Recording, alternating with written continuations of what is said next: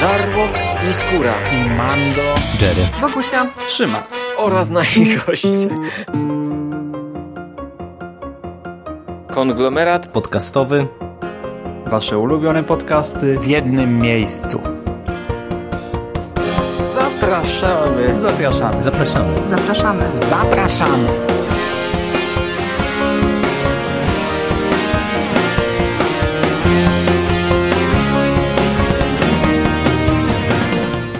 Witamy w kolejnym przekaście, czyli przekozackim przeglądzie popkultury. Po tej stronie mikrofonu spotykają się Szymas, cześć wam, oraz Bogusia, Cześć chłopacy, witam wszystkich słuchaczy. Sik Cześć. i Mando. Cześć. Tak, znowu jest tutaj nas czwórka, tym razem Jerry odpadł z nagrania i tak jak wspominaliśmy chyba dwa tygodnie temu, tak to będzie wyglądało, że po prostu kto będzie mógł, czy kto będzie zainteresowany ostatnimi newsami i tematem odcinka, ten się będzie na antenie pojawiał i ten stan będzie mm, zmienny. Dzisiaj tradycyjnie już, chociaż to dopiero drugi epizod, zaczniemy od tego, co nam się ostatnio rzuciło w oszy, w oszy, co nam się ostatnio rzuciło w uszy, oczy yy, i tak dalej. I na początek może trailerki, co? Dzisiaj niestety nie ma żadnego ten, żadnych ludzi z barek, ani nic takiego. Same poważne rzeczy. Ale, Ale jest speed, czekajcie, jest Pitbull przecież, to prawie jak ludzie z barek. No dobrze, to zaczęliśmy od polskiego kina, widzę. Pitbull, ostatni pies. Ale zaraz, zaraz, to jest ten Pitbull e, lepszy, także to nie jest tak jak do końca jak ludzie z barek. Sik, daj spokój, ale to i tak wygląda źle. No przecież czy film, w którym gra Doda może być dobry? Oczywiście, że tak. Ja uważam, O. że tak. To jest Pasikowski, no przede wszystkim. No to ja wierzę temu reżyserowi bardzo i zawierzam mu i na ten akurat film pójdę do kina. Powiem ci, że jak zobaczyłam, że występuje w nim Dorociński, bo oglądałam ten zwiastun dwa razy i tak sobie pomyślałam, że o, jest spoko, skoro pojawił się Dorociński, to może być dobry film. A potem zobaczyłam Pazurę, zobaczyłam Dodę i tak jakoś mój entuzjazm spadł na pysk.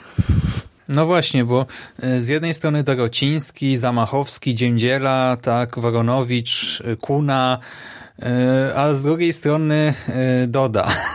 I to rzeczywiście kontrastuje mocno tutaj w tym filmie. Sorry, ale ona tak wypowiada śmiesznie swoje kwestie, bo właśnie to ma być niby domknięcie nie, tego cyklu franczyzy, nie wiem jak to ująć teraz, ale nawet Dorociński, jak ja go tutaj zobaczyłem jako Despero, y, no wygląda moim zdaniem dość komicznie w tej pierwszej scenie w trailerze. Do tego, znaczy rzeczywiście czuć, że to już nie jest to, co w w poprzednich Pitbullach, tak, wychodziło na pierwszy plan. Nie ma tego y, już takiego przechamskiego, przewulgarnego pseudohumoru, tych one-linerów, y, przy których po prostu strzelałem takiego facepalma, że miałem lipo przez następne dwa tygodnie. Ale y, ty czujesz tutaj Pasikowskiego, Sik? Bo... E, też tak, z- odnoszę się najpierw do tego, e, do Dody, więc moim zdaniem, w tym co widziałem w trailerze, to ona e, i tak lepiej zagrała niż te wszystkie laski e, od Wegi. Ale to wiesz, to jest taka poprzeczka, że Nie, nie, ona jest ale- dwa metry pod ziemią. No dobra, okej, ale słuchaj, ona ma grać wulgarną, e, jakąś prostą laskę, tak? Czy tak mi się wydaje, przynajmniej z tego, co trailer sugerował. I ona w tą rolę wchodzi świetnie. E, ona jest wulgarna, ona ma Ale ona recytuje, no to słychać. Ona wypowiada kwestie jak w ukrytej prawdzie trochę, no. Nie, ja Wiesz, uważam, nie że nie. Moim, to, że zdaniem, jest- moim zdaniem jesteście uprzedzeni i e, przede wszystkim jesteście uprzedzeni, tak jest moje zdanie. Ja nie będę bronił tutaj, nie będę stawał murem za nią, ale e, uważam, że ona jest e, naprawdę lepiej wypada niż te wszystkie aktorki z, nie wiem, z kobiet mafii czy nowe porządki. Po prostu. Mm, do, do niej doskonale dobrana jest rola. Ona ma grać e, wulgarną dziewczynę, e, ładną laseczkę e, mafiozy i podejrzewam, że w tym się sprawdzi bardzo dobrze. Natomiast mm, nie wiem, czy uda wam się przeskoczyć wasze uprzedzenia do niej i e, będziecie mogli fair ją ocenić, jej, jej rolę. Bo po tym, co pokazała w trailerze, to jestem okej, jestem może nie jakoś hura optymistycznie nastawiony, natomiast zagrała lepiej niż te wszystkie kobitki uwagi i takie jest moje zdanie, no.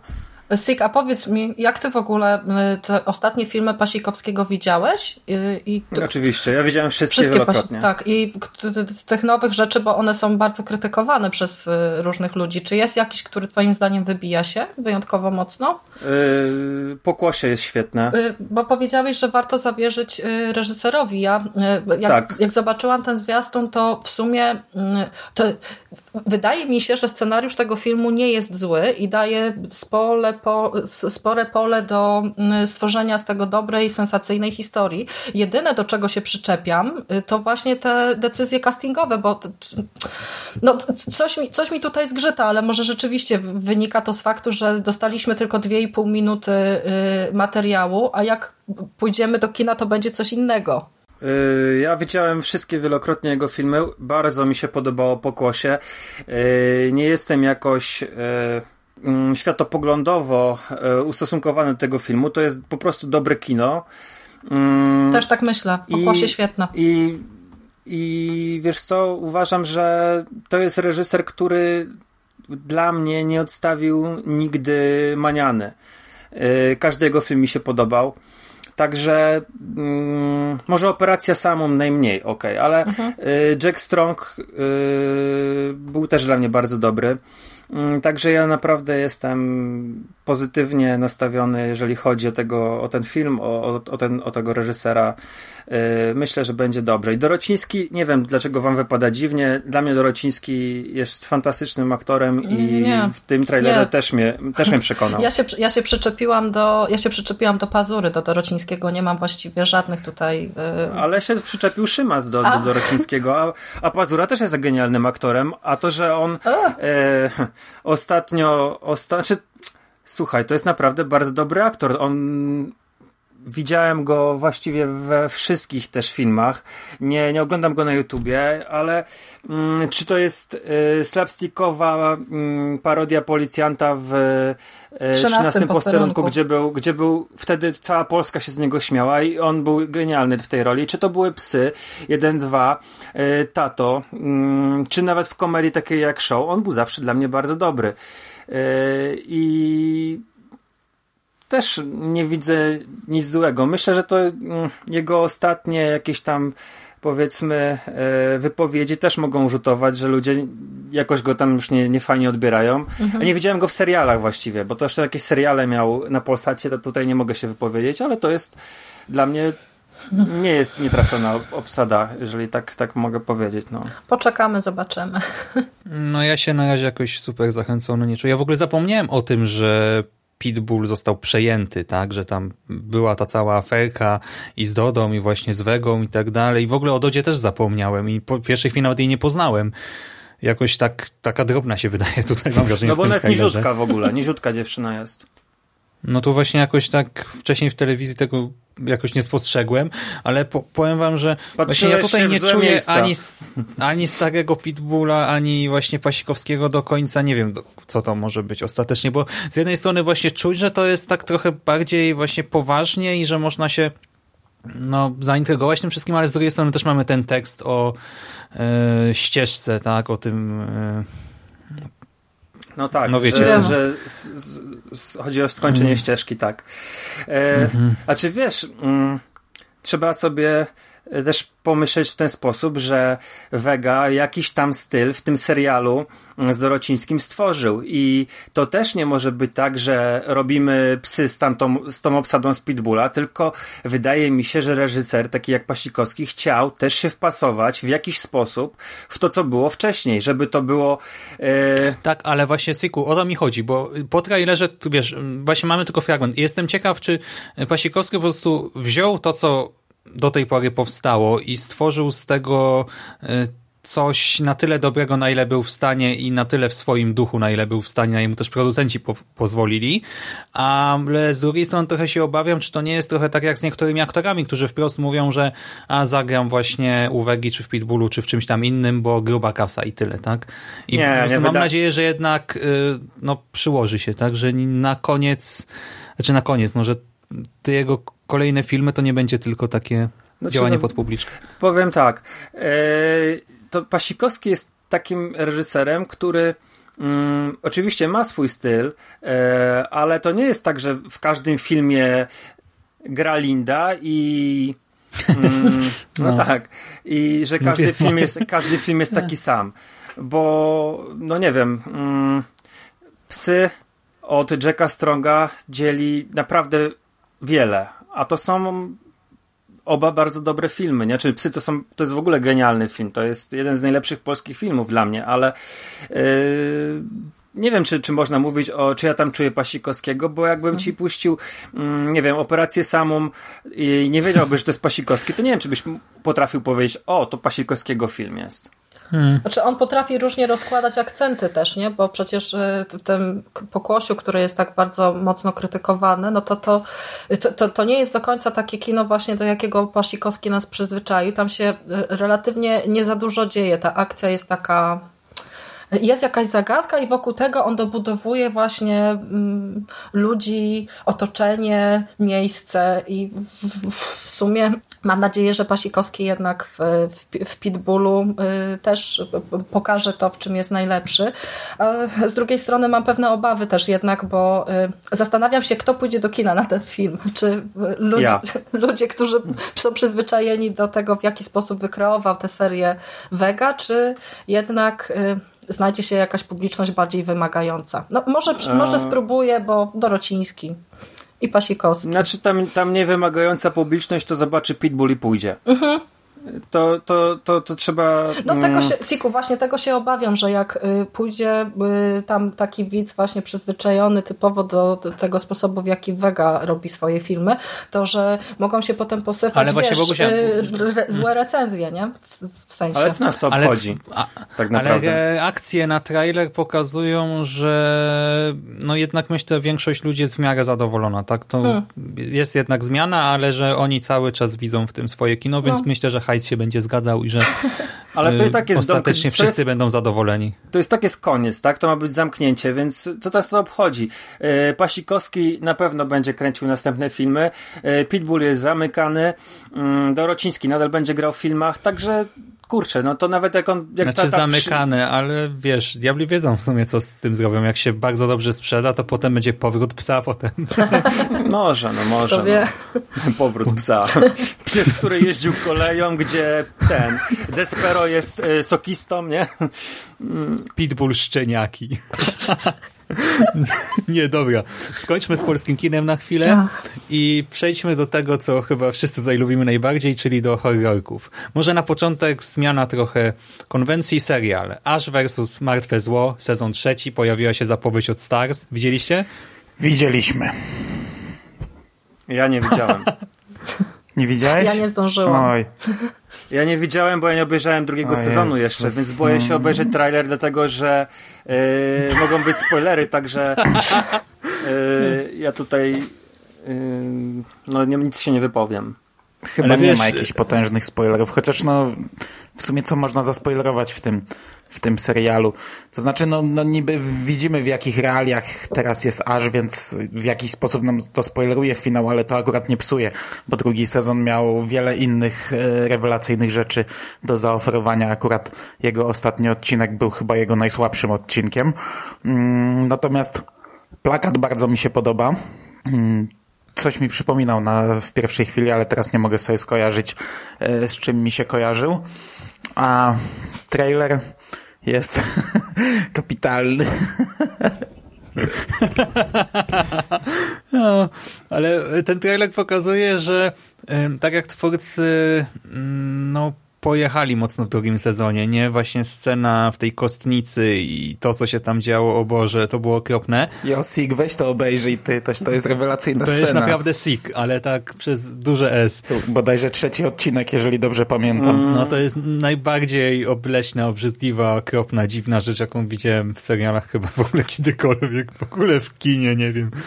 O, ale tutaj pokazują, że dalej będą jechać po bandzie. Fabuła będzie pewnie trochę bzdurna, po prostu tak zło powróci, znowu trzeba będzie je zwalczyć, ale myślę, że to znowu da nam frajdę, nie? I tutaj właśnie nie ma tabu, tutaj pierwsze, nie wiem, 30 sekund trailera już widzimy, że Ash musiał zabić swoją córkę, o której wcześniej nie wiedział i której imienia nie potrafi sobie przypomnieć i chyba trzy razy pod rząd myli.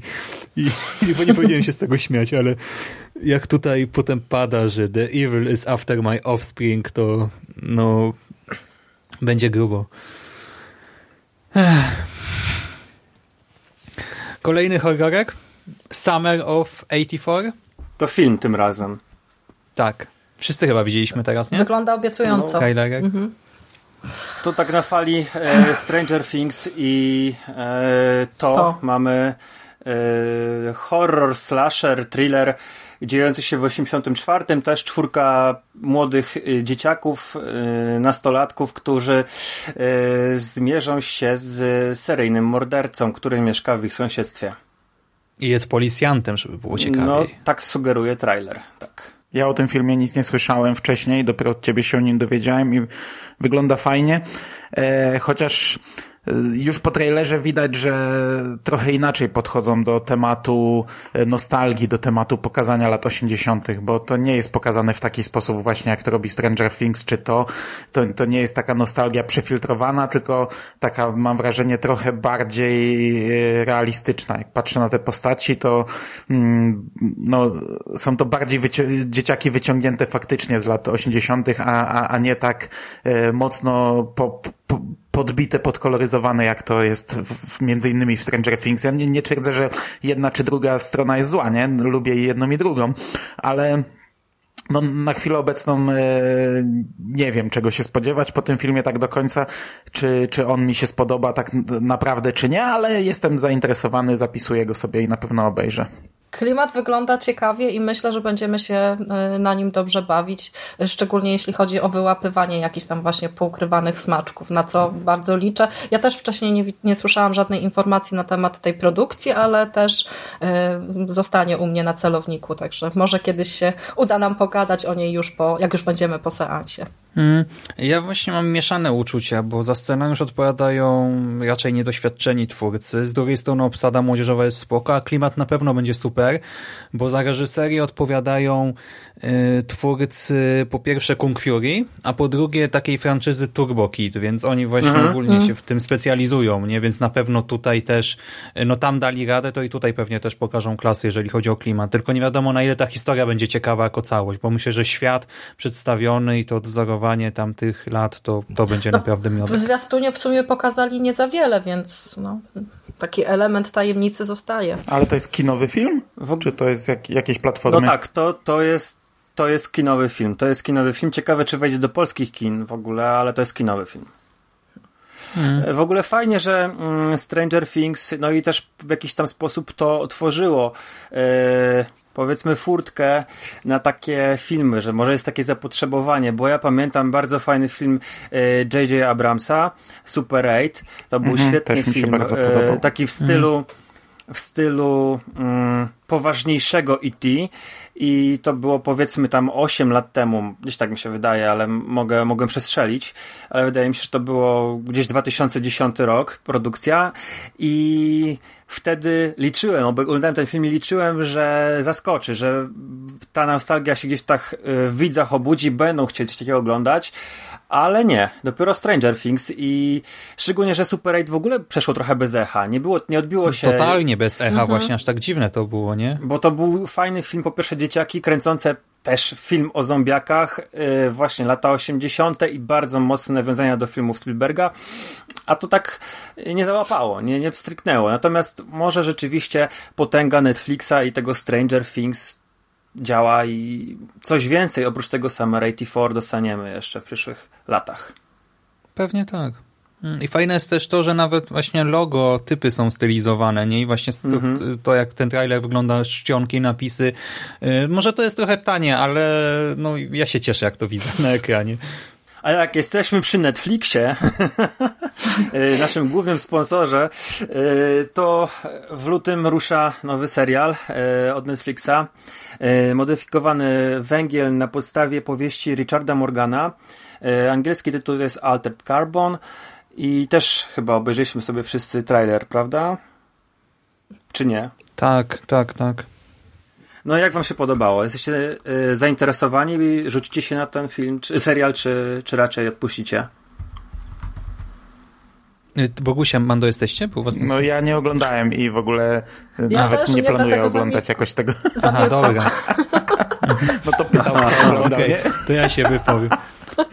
Nikt się nie odezwał. Ja wam powiem, że ja o tym serialu wcześniej, znaczy słyszałem, widziałem jego nazwę wszędzie. Miałem wrażenie, że ja mam teraz ograniczony dostęp do internetu momentami, ale jak już właziłem na Facebooka czy nawet w Google, to wszędzie widziałem newsy i e, w ogóle w komentarzach ludzie żartują chyba z tłumaczenia tytułu, że będzie jakieś takie dziwne czy coś. E, no i ja w ogóle nie łapałem o co chodzi, nie? W końcu obejrzałem ten trailer i tak mm, co mogę powiedzieć? No fajnie to nawet wygląda, ale to nie są do końca moje klimaty.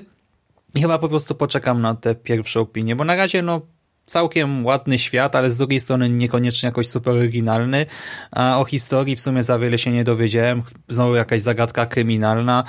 Y, ja się zastanawiam, bo wiecie, czy to ma być zamknięta historia, czy nie, bo jeżeli tak, no to w sumie myślę, że fajnie było to zobaczyć, a jeżeli to się może ciągnąć, to bez sensu. Znaczy no to... Morgan napisał, yy, to jest pierwszy tom cyklu, tak? Yy, I on wiem, że na pewno napisał jeszcze yy, dwie książki z tym bohaterem. Yy, Takeshi Kowaksem. Także mhm. myślę, że jeżeli serial załapie, to i że na przykład nie zamknęli całej historii z książki w pierwszym sezonie, to będzie prawdopodobnie reszta e, ekranizowana. A w ogóle czytaliście książkę? Kojarzycie coś? Ja wiem, że się ukazała, nie, nie. ale mm, jest trudno dostępna, niestety. Znaczy Makią teraz w grudniu, tak. 1 grudnia była e, wznowienia premiera. I zniknęła błyskawicznie. Mm. Prezenty ja mam, świąteczne. Ja, ja mam to stare wydanie nawet w ręku teraz, Isy i już tak od, um, dzisiaj jest 25, od 25 dni próbuję się za tę książkę zabrać i miałem zdążyć ją przed y, premierą serialu, ale y, niestety nie udało mi się. A jeżeli ktoś na przykład kojarzy taką serię gier Deus Ex i e, lubi ją, to jest przyszłość taka dosyć bliska, mm, gdzie ludzie są y, zmodyfikowani właśnie cyber wszczepami, mają sztuczne kończyny i tak dalej, sami się modyfikują e, niekoniecznie ze względów medycznych, tam jako protezy, tylko po prostu mm, funkcjonują jako pół, pół cyborgi, to e, zostałem właśnie do tego modyfikowanego węgla zachęcony, e, bo to jest bardzo podobno w takim klimacie właśnie Deus Exa, ale mam książkę od wielu lat, bo od chyba sześciu i niestety nie ruszyłem jeszcze jej. Hmm, no to brzmi w sumie zachęcająco, tylko no ja mam zaległości takie z serialami, że teraz mało ich oglądam, więc nie wiem, zobaczymy. Ale to, co mi się bardzo podoba jeszcze w kontekście tego serialu to kampania promocyjna. Właśnie po pierwsze rzeczywiście czuję, że Netflix trafił do ludzi, bo naprawdę wszędzie widziałem newsy o serialu, który nawet niekoniecznie mnie interesował, nie? A mhm. po drugie, y, nawet nie klikałem w linki, ani nic, a po prostu widziałem to wszędzie. A druga sprawa to, to, y, to wam y, znaczy Mando i Bogusi chyba dzisiaj podsyłałem, tobie zapomniałem w końcu, ale Netflix urządzi pawilon tego właśnie mhm. Altered Carbon. E, w galerii Etos przy ulicy Plac Trzech Krzyży 10 przez 14 w, Warszawie, w Warszawie. I to ma właśnie przypominać e, no, ten świat filmowy, tak? W tę mhm. firmę fikcyjną mhm. Psychasec. I dla mnie no to jest coś niesamowitego. No mają rozmach, nie? I super, że y, właśnie Netflix także pomyślał o Polsce i że u nas też takie rzeczy mają miejsce. Może tylko w Warszawie przez chyba tylko trzy dni, drogi 3-4 lutego, jeżeli nie, nie pomyliłem, bo nie zapisałem sobie tych dat. Ale jakoś właśnie teraz niedługo. Y, no fajnie, tak? Że coś dla fanów jest organizowane. I to właśnie z rozmachem. W ogóle mm, ten trailer zachęca bardzo e, jedną sceną, w której pojawia się Edgar Allan Poe. Nie wiem, czy to jest mhm. jakaś, e, jego hologram, czy, czy to jest jakiś android, to tutaj ciężko mi powiedzieć, bo no, yy, nie znam fabuły. Natomiast wciela się w niego Chris Conner i to naprawdę bardzo spoko wyglądało. Hmm. I co, jak jesteśmy przy serialach, to może zmienimy na chwilę stację. AMC? AMC, tak, tak. Tak, AMC będzie ekranizowało Terror i właśnie powstanie serial w tym roku The Terror i wow. Znaczy ten trailer jest trochę za długi, mam wrażenie. Zdradza też może trochę za dużo, ale klimat jest tak niesamowity, tak czuć tam ten chłód, to osamotnienie, scenografia, kostiumy, casting, akcenty, właśnie to jak wypowiadane są kwestie no mnie się już na samym początku zrobiło zimno i pomyślałem sobie, kurczę, to może być dobre, tak oglądać właśnie sobie wieczorkami. Ach. Wydaje mi się, że terror jest w sumie dość trudną do zekranizowania książką. Ja byłam w ogóle nią zachwycona mm. i pod kątem językowym, i pod kątem klimatu, i pod kątem tego ogromnego researchu, jaki y, wykonał autor. Tam mam w przypadku tej powieści mam wrażenie, że wszystko jest na swoim miejscu, wszystko się zgadza i niczego nie brakuje. I po obejrzeniu tego zwiastuna właściwie e, poczułam się podobnie jak po lekturze, co rokuje moim zdaniem bardzo dobrze, bo tak jak powiedziałeś Szymon, e, ten klimat, e, nawet jakimiś takimi drobnymi właśnie scenami, po prostu wylewa się z ekranu, a dodatkowo mam też wrażenie, że e, aktorzy, którzy występują w, w, tej, w tej ekranizacji, są dobrani świetnie i y, jakby idealnie pasują do tych bohaterów. Zobaczymy, co, y, jak będzie wyglądał scenariusz i jak y, twórcy całą tę opowieść poprowadzą, ale ja jestem pełna nadziei i na pewno będę oglądać. Y, z niecierpliwością wyczekuję premiery. Wygląda znakomicie. No Ridley hmm. Scott to przede wszystkim e, on jest chyba producentem. No, jako doskonały tak. Promoteusz w końcu. E, ale tak. Klasa ja sama w sobie. książki Jana Simo no, Prometeusz, yy, jeszcze, jeszcze, jeszcze jak cię mogę, ale obcy przymierze to była porażka dopiero. Ale ja naprawdę nie chcę tutaj, no, bo on miał jeszcze no, gorsze no, nie filmy. ma sensu. Dobra, no. bo mówisz, ja myślałem, ale... że wszyscy czytali oprócz mnie, to kontynuuj, a potem ja jeszcze się Ja wypowiem. nie czytałem, ja nie, ja nie czytałem. Yy, powieści Dana Simonsa, natomiast on jest znany z tego, że robi jakiś tytaniczny research do każdej swojej książki. Yy, zresztą on tak pisze raz na dwa lata pewnie, ale do każdej książki, zresztą mm, każda jest bardzo tematycznie różna, bo on i hard science fiction pisze, i pisze kryminały, i pisze powieści e, z gatunku horror. Mm, I co mnie cieszy, bo to jest tak, mamy ten powrót nostalgii za sprawą Stranger Things i teraz ekranizują jego powieść, AMC e, postanowiło zrobić terror. Nie wiem, czy to jest ciężkie do zekranizowania, czy nie, ale on ma jedną książkę, która nadaje się fantastycznie, gdzie są bohaterowie yy, dzieciaki, tylko że dzieje się w latach 50., to jest letnia noc. I to jest fantastyczny horror z młodzieżowymi bohaterami, a horror jest absolutnie niemłodzieżowy, gdzie są jakieś yy, mroczne siły i tak dalej. I ja mam nadzieję, że jeżeli ty, ten terror odniesie sukces, to ktoś pomyśli, zekranizuje tamtą Wiesz, książkę. To też się działo w latach 50. część z dzieciakami, a w filmie nie było problemu, żeby przenieść w lata 80., więc znaczy ja nie czytałem prawda. Letniej Nocy cały czas. Co roku to jest moja książka na wakacje i co roku mija lato, a ja tego cały czas nie przeczytałem. Od lat, od lat. To jest bardzo ciężko dostępna teraz książka. Ja ją mam, to znaczy zakosiłem siostrze, bo kiedyś jej kupiłem, ale zakosiłem jej chyba z 5 lat temu. Z 5 lat temu, bo ty mi o niej mówiłeś w 2013, jak jechaliśmy do Paryża na Kinga i, i wtedy mhm. ja już ją miałem zakoszoną, już miałem ją przeczytać i tak leży. Dokładnie to samo mam z upiorną opowieścią Strauba, tylko to jest moja zimowa książka z kolei. I też, też jest bardzo ciężko dostępna, chociaż będzie teraz wznowiona przez jakieś tam wydawnictwo, nie pamiętam przez kogo. Um, ja nie czytałem nic Dana Simonsa. Y, o, od dawna to jest autor, za którego chcę się zabrać, bo pamiętam jak kupiłem sobie Kindla, nie wiem, z 7 lat temu dobre, to, to pierwsze co na niego wrzuciłem to był Hyperion i no i przeczytałem może stronę i jakoś tak, y, jakoś tak, nie wiem, nie, nie pamiętam dlaczego, ale y, nie zabrałem się ostatecznie za to. No letnia noc to jest dla mnie coś, co muszę przeczytać zanim nie umrę. Natomiast Terror też od dawna chcę przeczytać, tylko że ja o tej książce nic nie wiedziałem. Wiedziałem, że tam jest statek i śnieg i to, i to wszystko. I że jest dobra na zimę i że ogólnie ten klimat zimowy jest niezły. I, I powiem wam, że ten trailer, ja ogólnie się mocno podjarałem tym, że będzie serial i mówię, to teraz sobie już ten Terror na pewno przeczytam przed serialem, tylko kurczę, szkoda, że nie ma w audiobooku, bo ja trochę nie mam kiedy czytać normalnych książek, a to do najcieńszej, najcieńszej książki nie należy, do najcieńszych.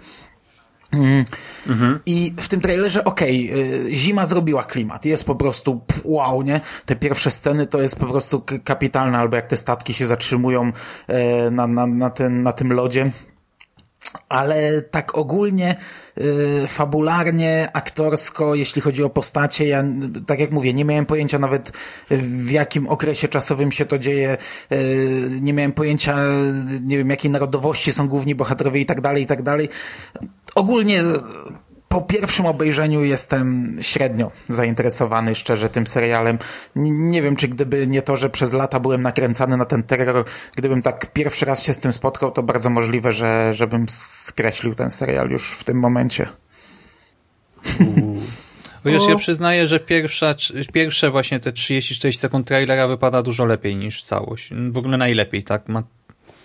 Ja. E, no dobra, to może przejdźmy do innego serialu. No właśnie, czy to będzie horror, czy nie, to trudno teraz ocenić.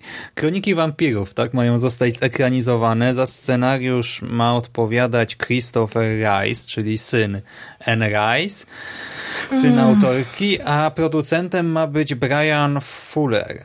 I cóż, no mówi się, jest taka anegdota już teraz, że Fuller od zawsze chciał zekranizować Kroniki Wampirów, że dzwonił do Enrise jako młody chłopak, ale y, no producenci Hollywood go odrzuciło, no bo był mało znany, no i teraz w końcu ma okazję zrealizować swój plan. Wiesz, Szymon, no i co myślicie? mówi się też o tym, że full, nad Fullerem ciąży pewna klątwa, ponieważ y, każda, znaczy każda, y, sporo produkcji, w, które, w których macza palce bardzo szybko się kończą, bo mieliśmy przecież Hannibala, który Y, dotrwał y, trzech sezonów, y, po czym został skasowany. Teraz amerykańscy bogowie, którzy rokowali bardzo dobrze, ale też jakoś tam się nie, nie poszczęściło Fullerowi. No, ale to no, on, on ma taki... pierwszy z tego odszedł, nie? To ja nie śledziłem aż tak newsów o amerykańskich bogach, ale to zaczęło się od mhm. tego, że Fuller odszedł. Że Fuller a potem ale to... I przecież to, to samo było ze, znaczy, no może nie to samo, ale analogiczna sytuacja hmm.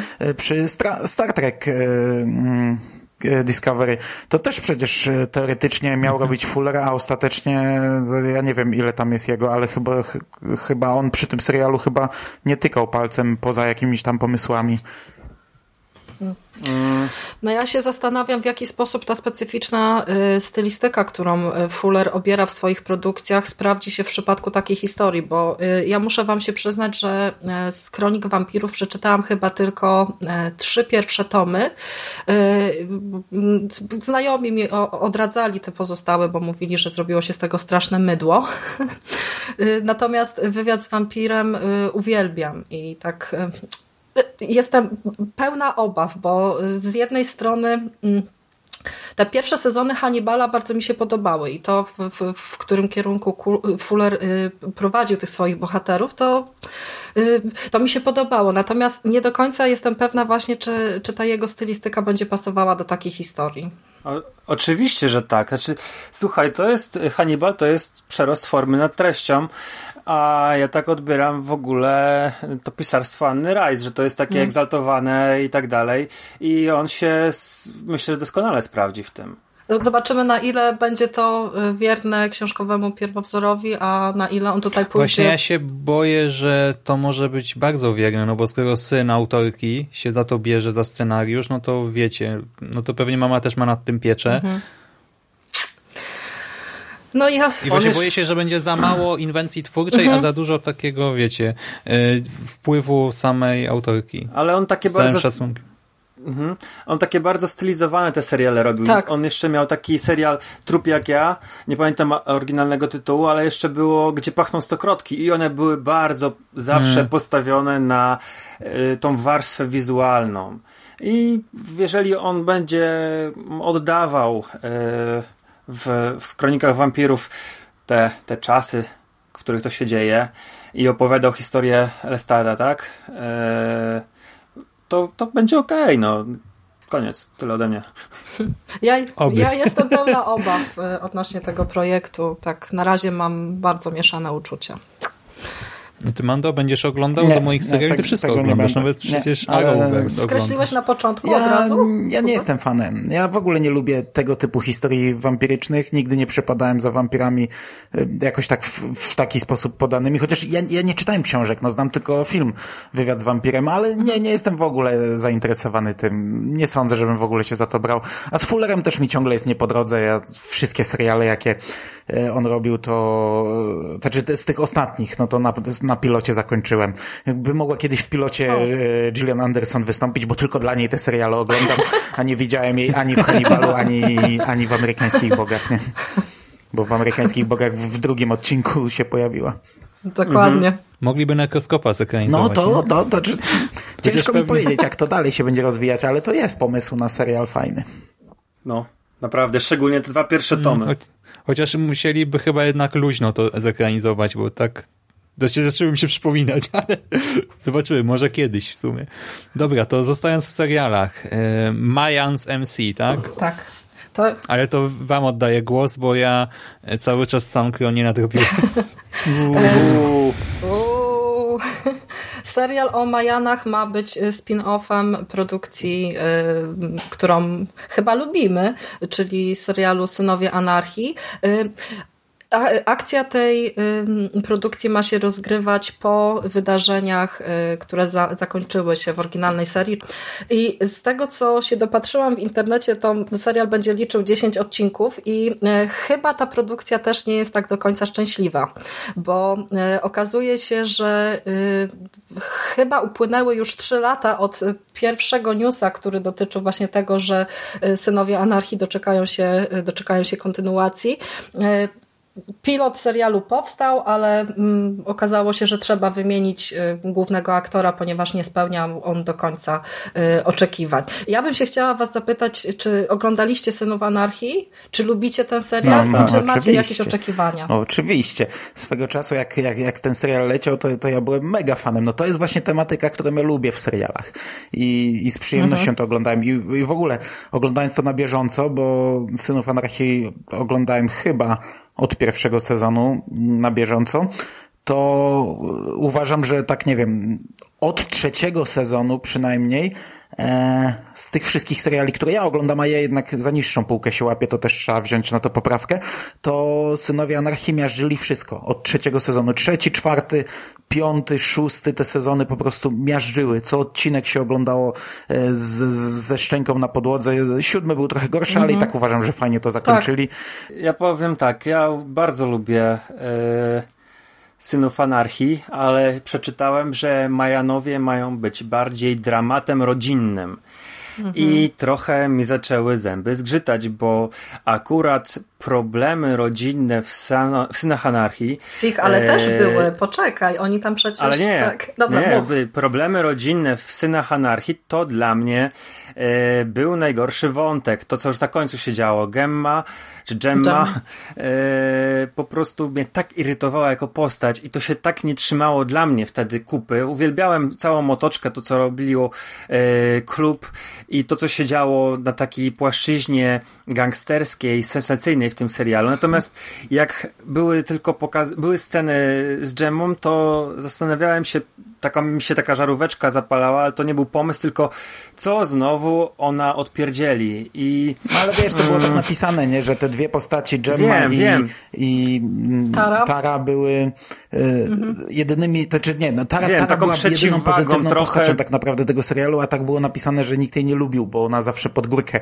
zawsze robiła im jakieś tam problemy, mhm. ale to też niekoniecznie, wiesz, mówiąc, że to jest dramat rodzinny, niekoniecznie trzeba patrzeć na ten aspekt, bo cali synowie Anarchii byli dramatem rodzinnym, bo to przecież był, był tak, gang zgadzam się pokoleniowy i mieliśmy pokolenie tak. założycieli, nowe pokolenie, które w ogóle wypierało i, i całe, całe to zderzenie starszych z młodszymi i na horyzoncie mhm. nadchodzili synowie Jacksa, którzy, których albo z tego bagna ktoś chciał uwolnić, albo oni znów by wpadli i powtarzali to, więc patrząc na całość to jest dramat rodzinny, a, a no, okay. także tak, no, tak można na to spojrzeć. Można tak powiedzieć, można tak powiedzieć, ale yy, nie wierzę, że synów anarchii, jak wchodzili do yy, FX, to reklamowano jako dramat no, rodzinny. No. no. nie, my sobie to jako po siedmiu sezonach możemy jako wierni widzowie powiedzieć, no tak, to w jakiś sposób był dramat rodzinny. Natomiast wtedy to miała być sensacyjna opowieść o gangu motocyklowym i może starciach dwóch pokoleń y, motocyklistów. A ja domyślam się, czemu ten serial może mieć problemy, miał problemy na fazie tej przedprodukcyjnej, mhm. bo jednak to jest, Majanowie to jest gang, gang motocy, y, motocyklistów meksykańskich.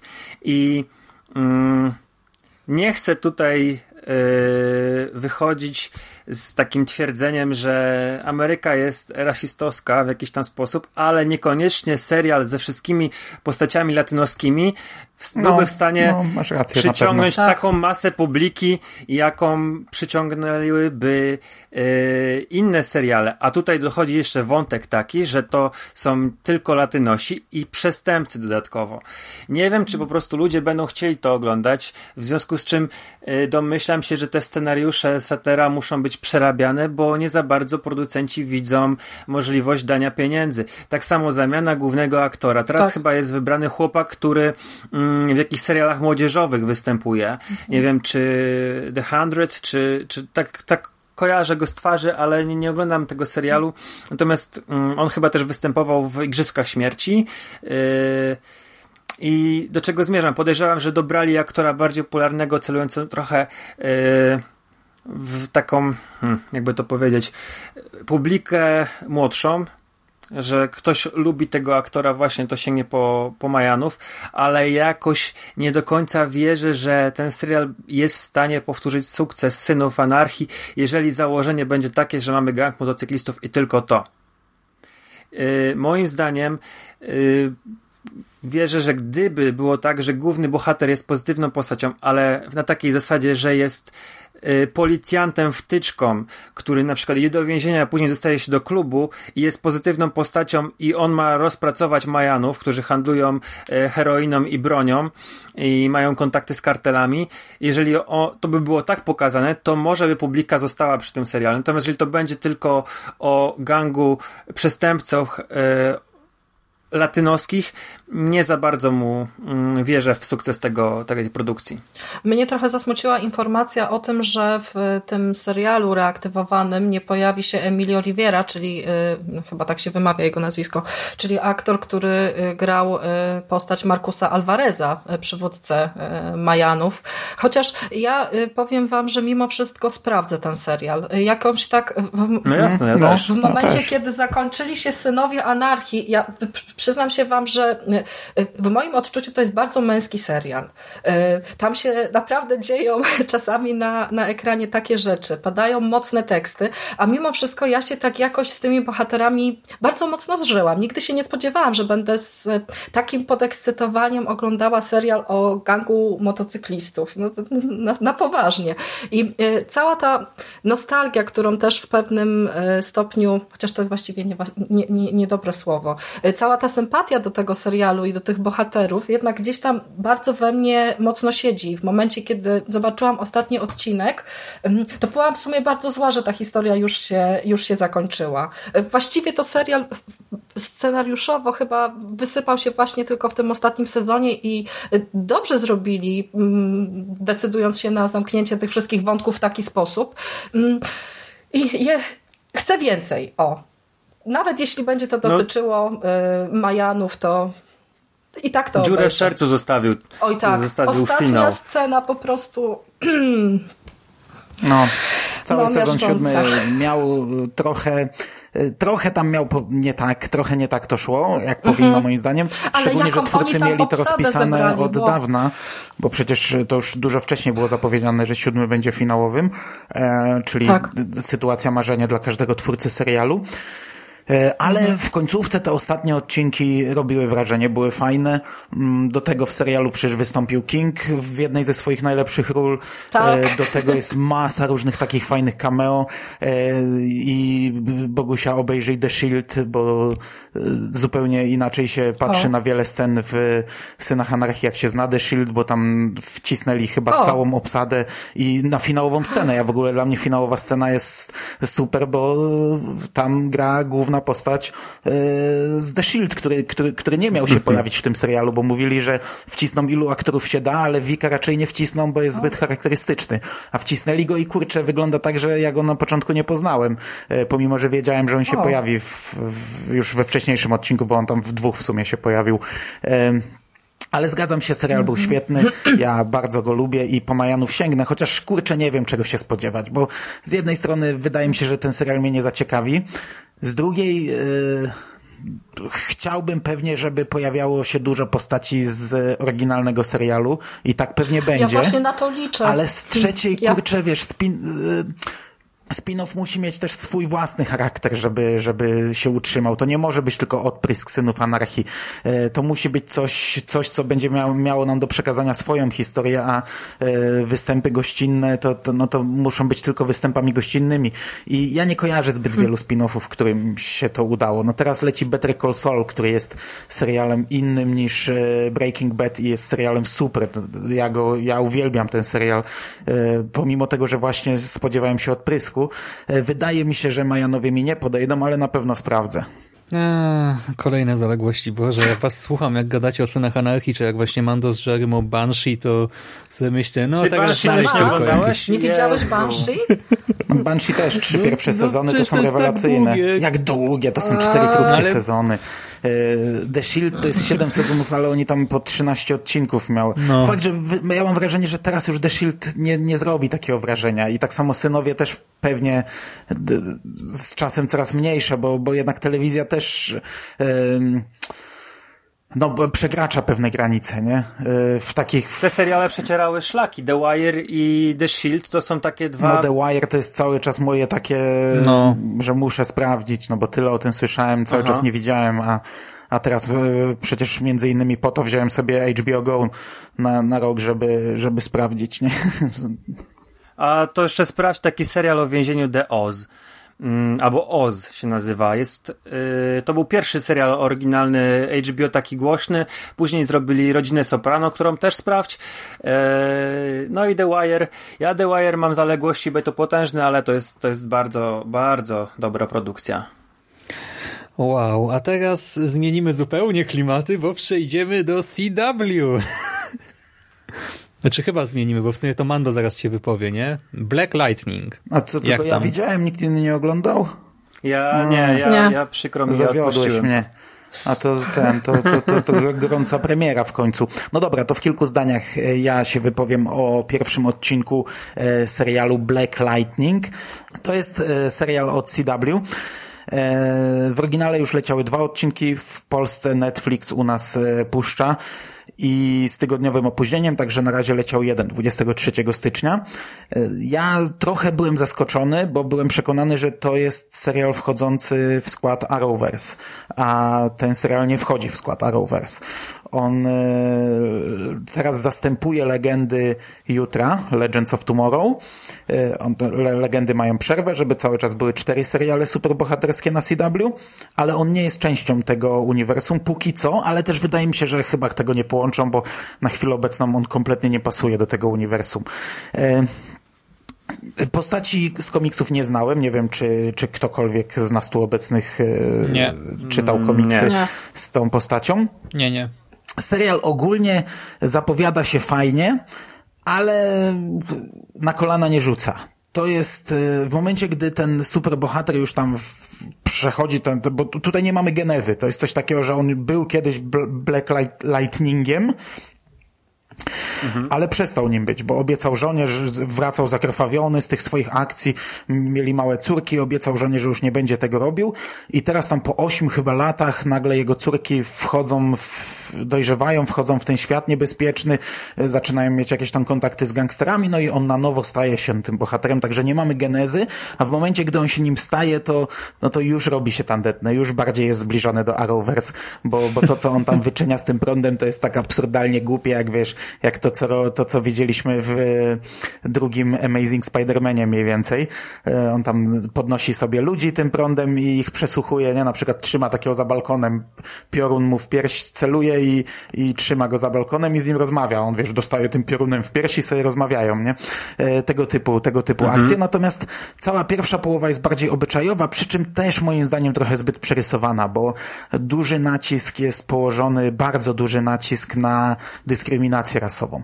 To jest serial e, mocno czarny, ale nie w ten sposób, co Luke Cage. Luke Cage nam e, tam pokazywał to środowisko, pokazywał kluby, mhm. bardzo mocno grał muzyką, e, a tutaj mamy bardzo duży nacisk na to, jak, jak czarni są nielubiani. Ten, ten główny bohater jest dyrektorem szkoły, a w pierwszych tam, nie wiem, 15 minutach chyba ze dwa razy zostaje przynajmniej aresztowany bezpodstawnie. I to tak, wiesz, na zasadzie takiej wyjdź z samochodu, oglebę go, maskę rzucić, zamknij się czarnuchu, ręce do tyłu. On za co jestem aresztowany? Nie gadaj, tylko dawaj ręce do tyłu na, na tej zasadzie, nie? Chociaż też ten serial nie koloryzuje, nie, nie, nie ma za zadanie chyba pokazać nam, że, że tak źle traktujemy tych czarnoskórych, bo tak naprawdę on pokazuje, że, że no kurczę, że te wszystkie uprzedzenia mają gdzieś tam swoje źródło, bo e, ten główny bohater, mhm. który jest dyrektorem, stara się tam wypro, wyprowadzić te dzieciaki e, w dobrą stronę, a, ale z drugiej strony mamy pokazane pełno gangów, jakieś kluby, jakieś, wiesz, zachowania zupełnie inne, które e, podcinają mu skrzydła i, i, i tak dalej, nie? No ogólnie na chwilę obecną ja będę oglądał pewnie dalej, ale jak długo z tym serialem zostanę, to nie wiem. E... Ale on jest e, stargetowany na kogo, myślisz? Na fanów Arrowverse, na młodzież, czy na fanów ogólnie komiksów superbohaterskich? Ciężko powiedzieć, po prostu mam wrażenie, że wiesz... Na znaczy byłych CW, nauczycieli, bo oni... o dyrektorze szkoły.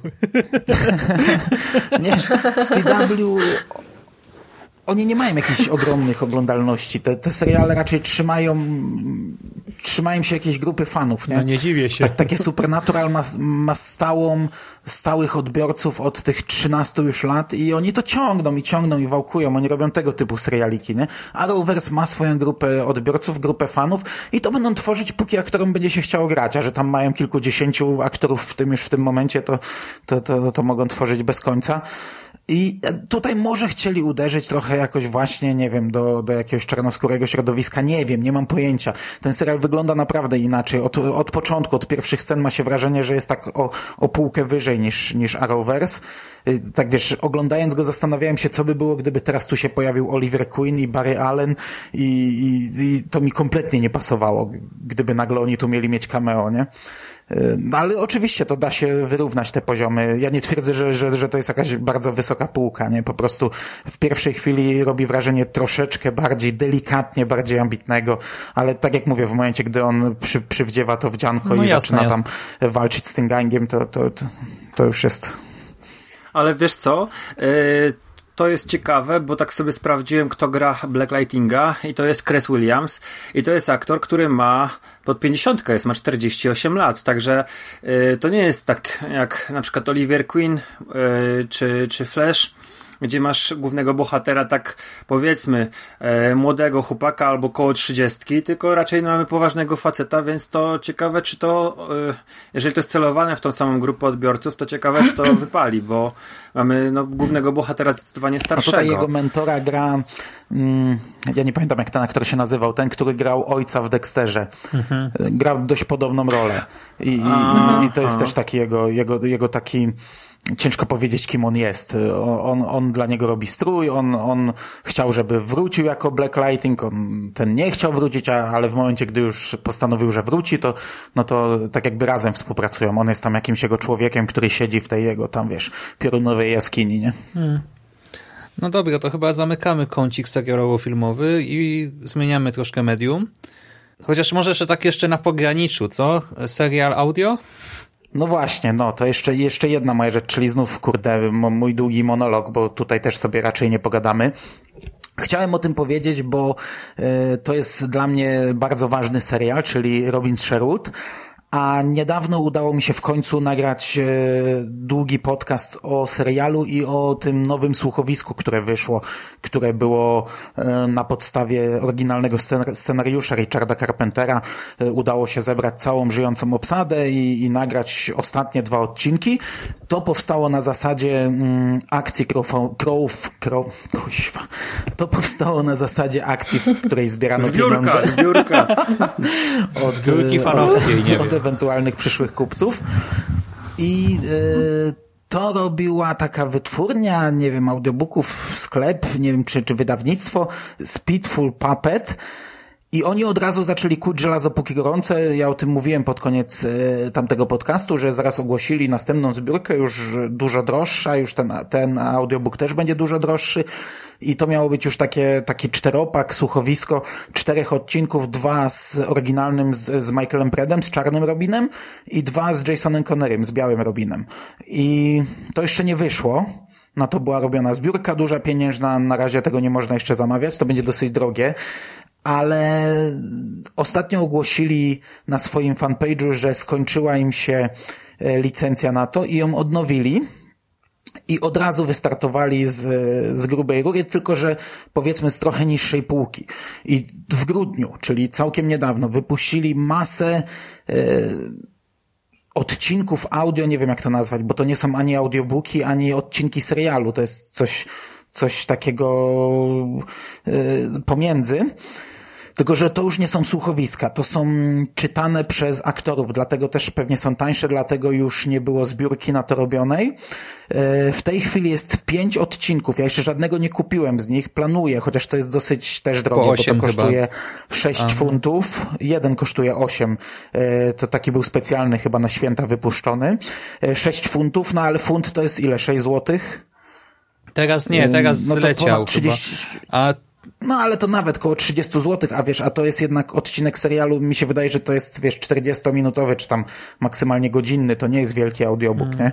E, to jest taka historyjka. Fajne jest, że te odcinki są e, wpasowane gdzieś tam. No, oczywiście to, to tam jest takie, wiesz, takie tam e, pitolenie, no bo Robin Sherwood nie miał jakiejś tam wielkiej ciągłości, a tak naprawdę odcinki były pomieszane już w samym serialu i, i niektóre babole wychodziły w trakcie ale jest napisane, gdzie tam w oryginalnym serialu, w którym miejscu ustawić dany odcinek. I mamy na chwilę obecną pięć, z czego jedno to jest ten, to, to specjalne, świąteczne. I to nie są już słuchowiska, ale są dźwięki i muzyka. I po prostu jest jeden aktor do każdego, który czyta. I to są też aktorzy z serialu. Jedno czyta Nicholas Grace, czyli Sheriff z Nottingham, yy, drugie czyta Phil Rose, czyli braciszek Tak, yy, Trzecie Michael Craig, czyli to jest e, aktor, który grał e, hrabiego z Huntington, a czwarte Judy Trott, czyli e, Lady Marion. I ten ostatni, ten najdroższy, świąteczny, to czyta Barnaby Ethan Jones, to jest, e, to jest taki fan, który zajął się produkcją tego. On tam organizował e, konwenty i jest producentem tych, tych mm, audiobooków, ale tutaj z kolei gościnnie właśnie występują jeszcze aktorzy, czyli to ostatnie jest tak troszeczkę słuchowiskiem, bo występuje Michael Pratt jako Robin Hood, Nicholas Grace jako szeryf i dwóch aktorów, yy, Jeden to jest taki aktor głosowy, który grał innymi Łato w e, Mrocznym Widmie, a drugi to jest e, syn aktora, który grał Herna i on teraz, teraz gra Herna, no bo tamten aktor już nie żyje, ale gra go doskonale, nie da się rozróżnić. I no tak tylko o tym mówię, że jeśli ktoś jest takim e, fanem Robina Sherwood jak ja, to ma możliwość kupienia sobie takich rzeczy i posłuchania takich odcinków. No tego serialu nigdy nie reaktywują już, to, to już jest za późno, nie da się tego odtworzyć w telewizji, więc to jest jedyna opcja, żeby można to sobie jeszcze raz przeżyć jakoś w jakiś sposób. E, minus jest taki, że oni te licencje odnowili, ale mają jakiś taki odgórny nakaz sprzedaży tylko na terenie Wielkiej Brytanii, czego nie rozumiem, bo to są wszystko pliki audio, to nie są płyty. Czyli to są pliki do ściągnięcia, ale sami na swoim fanpage'u piszą, żeby jak, jak nie mieszkacie w Anglii, to namawiajcie jakichś znajomych, niech wam kupią i prześlą. No właśnie dziwne, bo nawet na Audible sprawdzałem od razu, nie i nie ma nic. Hmm, szkoda. Ale to jak, to nie rozumiem, czyli jak mam IP z Polski, to nie mogę kupić u nich e, tego pliku? Czy nie, nie, nie rozumiem? Nie. Wcześniej można było, bo ja te, to pierwsze słuchowisko kupiłem u nich i to na płytach, czyli wysłali do mnie to, ale już przy tym drugim mhm. słuchowisku już było, jak, jak był preorder, to ja, ja raz e, pod wpływem tam, wiesz, impulsu już do, doczłapałem się prawie do końca e, procesu zakupów, już miałem klikać, a mi wy, wyskoczyło, może, że w tej grze nie można. Może, ale nie, może ale żona ci filtry zainstalowała. Kwestie podatkowe. W tych audiobookach Słuchaj, nawet nie ma tego, może... nawet nie mam, kuźwa w tych audiobookach nawet nie ma przycisku kup. kup. Od razu jest napis, że, w, że nie możesz kupić, że w twoim kraju nie można. Dziwna polityka. Może kwestie podatkowe są, bo e, na przykład mają zbiórkę i mm, załóżmy musieli zapłacić jakiś podatek od produktu, który jest tylko w Wielkiej Brytanii do kupienia, a na przykład inny podatek musieliby zapłacić na całą Europę, a teraz, no nie wiem, tak, nie, nie, nie widzę innego wytłumaczenia, szczerze mówiąc. Nie wierzę w kwestię licencji, bo e, no bo to, to, to nie jest tak, że ja w Polsce nie mogę kupić produktu, który ktoś ma w Polsce wykupioną licencję i w związku z tym nie mogę kupić tego produktu w Polsce, tak? No, no dziwne Także to, to musi być kwestia jakaś podatkowa. I jest bardzo ładna okładka, jeszcze tak powiem, graficzka. Kurde, ile ja się naszukałem takiej większej, bo mówię, kiedyś zrobię podcast, to, to żeby mieć... Yy a podcast bardzo fajny w ogóle nagrałeś. Słuchałem go, ale to już tak w wakacje No, no, no, no, no ale to wiesz, to czas leci, nie? No, no, no ale wiesz, ale planowałem go dwa lata temu w wakacje. także, także z tego patrząc tak, y, no, z takiej, w, w takiej skali, no to niedawno. E, no, a tutaj mhm. graficzka taka fajna jest. Dwóch robinów, e, ognisko, las, e, słońce, czy tam księżyc w tle, gwieździste niebo, super to wygląda, po prostu klimat ma niesamowity. Ale się sentymentalnie nie robi dzisiaj, kurczę, co za odcinek po prostu. Wow. Aż mi się łezka wokół zakręciła. No ale serio, Nostalgiczny. Wow. No dobrze, to co, przeszliśmy płynnie do no dobrze, książek. I to tyle, tyle długich monologów ode mnie. Bogusiu. Książki. No to, no dobra. No ale to, jeszcze Bogusia o książce. ja jeszcze tak yy, się... Bo do książek przeszliśmy. Aha. Powiedziałem, dobra. przeszliśmy płynnie do książek. Prze, przepraszam bardzo. Ja się, ja się zawiesiłam, za, zamyśliłam się. Ale w sumie to, no w sumie. to co ja chcę powiedzieć, to też jest tak jakby książka. Ale to, okay, to, no, to, to ty sobie zrobisz taboja potem, nie? Że teraz tak na pograniczu dalej. tak. Dobrze, a propos tego, że się zrobiło nostalgicznie, no to ja y, opowiem wam o czymś, co absolutnie nostalgii nie będzie wywoływać. Y, otóż o, otóż przeczytałam ostatnio, właściwie sama nie wiem dlaczego, no może wiem, y, dwie książki takiej autorki, która nazywa się Paulina Świst. Y, jest to y, polska debiutująca autorka prozy sensacyjnej i te jej książki Prokurator i Komisarz są reklamowane takim sloganem Uwaga, będzie dobrze. ostry seks, ostry język, ostra jazda. I jest tam też... No to dlaczego się zastanawiasz, że dlaczego przeczytałaś? No wiadomo, to pierwsze, pierwsze dwa, dwa wyrazy są Nie, już... nie, nie, nie dlatego. Y, właściwie to Co zainteresowała mnie bardziej druga część tej, rekla tej reklamy. Po ostry seks jeszcze jest, że żadna gwiazda nie eksplodowała na firmamencie polskiego kryminału z taką intensywnością, jak właśnie Paulina Świst. I pomyślałam sobie, że dobrze, skoro nowa gwiazda kryminału, to ja ją muszę poznać i to koniecznie nie natychmiast już. E, tak. A ty implodowałaś pewnie. E, a jedyne, co było ostre w tej książce, to rozczarowanie, ponieważ to nie jest absolutnie e, kryminał, tylko e, erotyczna historia ubrana w. w coś, co uchodzi za literaturę sensacyjną, ale właściwie nie nosi w sobie absolutnie żadnych walorów, e, ani literackich, ani poznawczych. E, pokrótce powiem o fabule, bo to też jest dobre. Tutaj mamy 30-letnią e, bohaterkę Kingę Błońską, która jest adwokatem i nasza, nasza bohaterka ma problemy osobiste. Mąż ją zdradził, ona wyjeżdża do Gliwic i postanawia iść na całość z poznanym w klubie e, przypadkowym gościem. To ma być taka przygoda na jedną noc.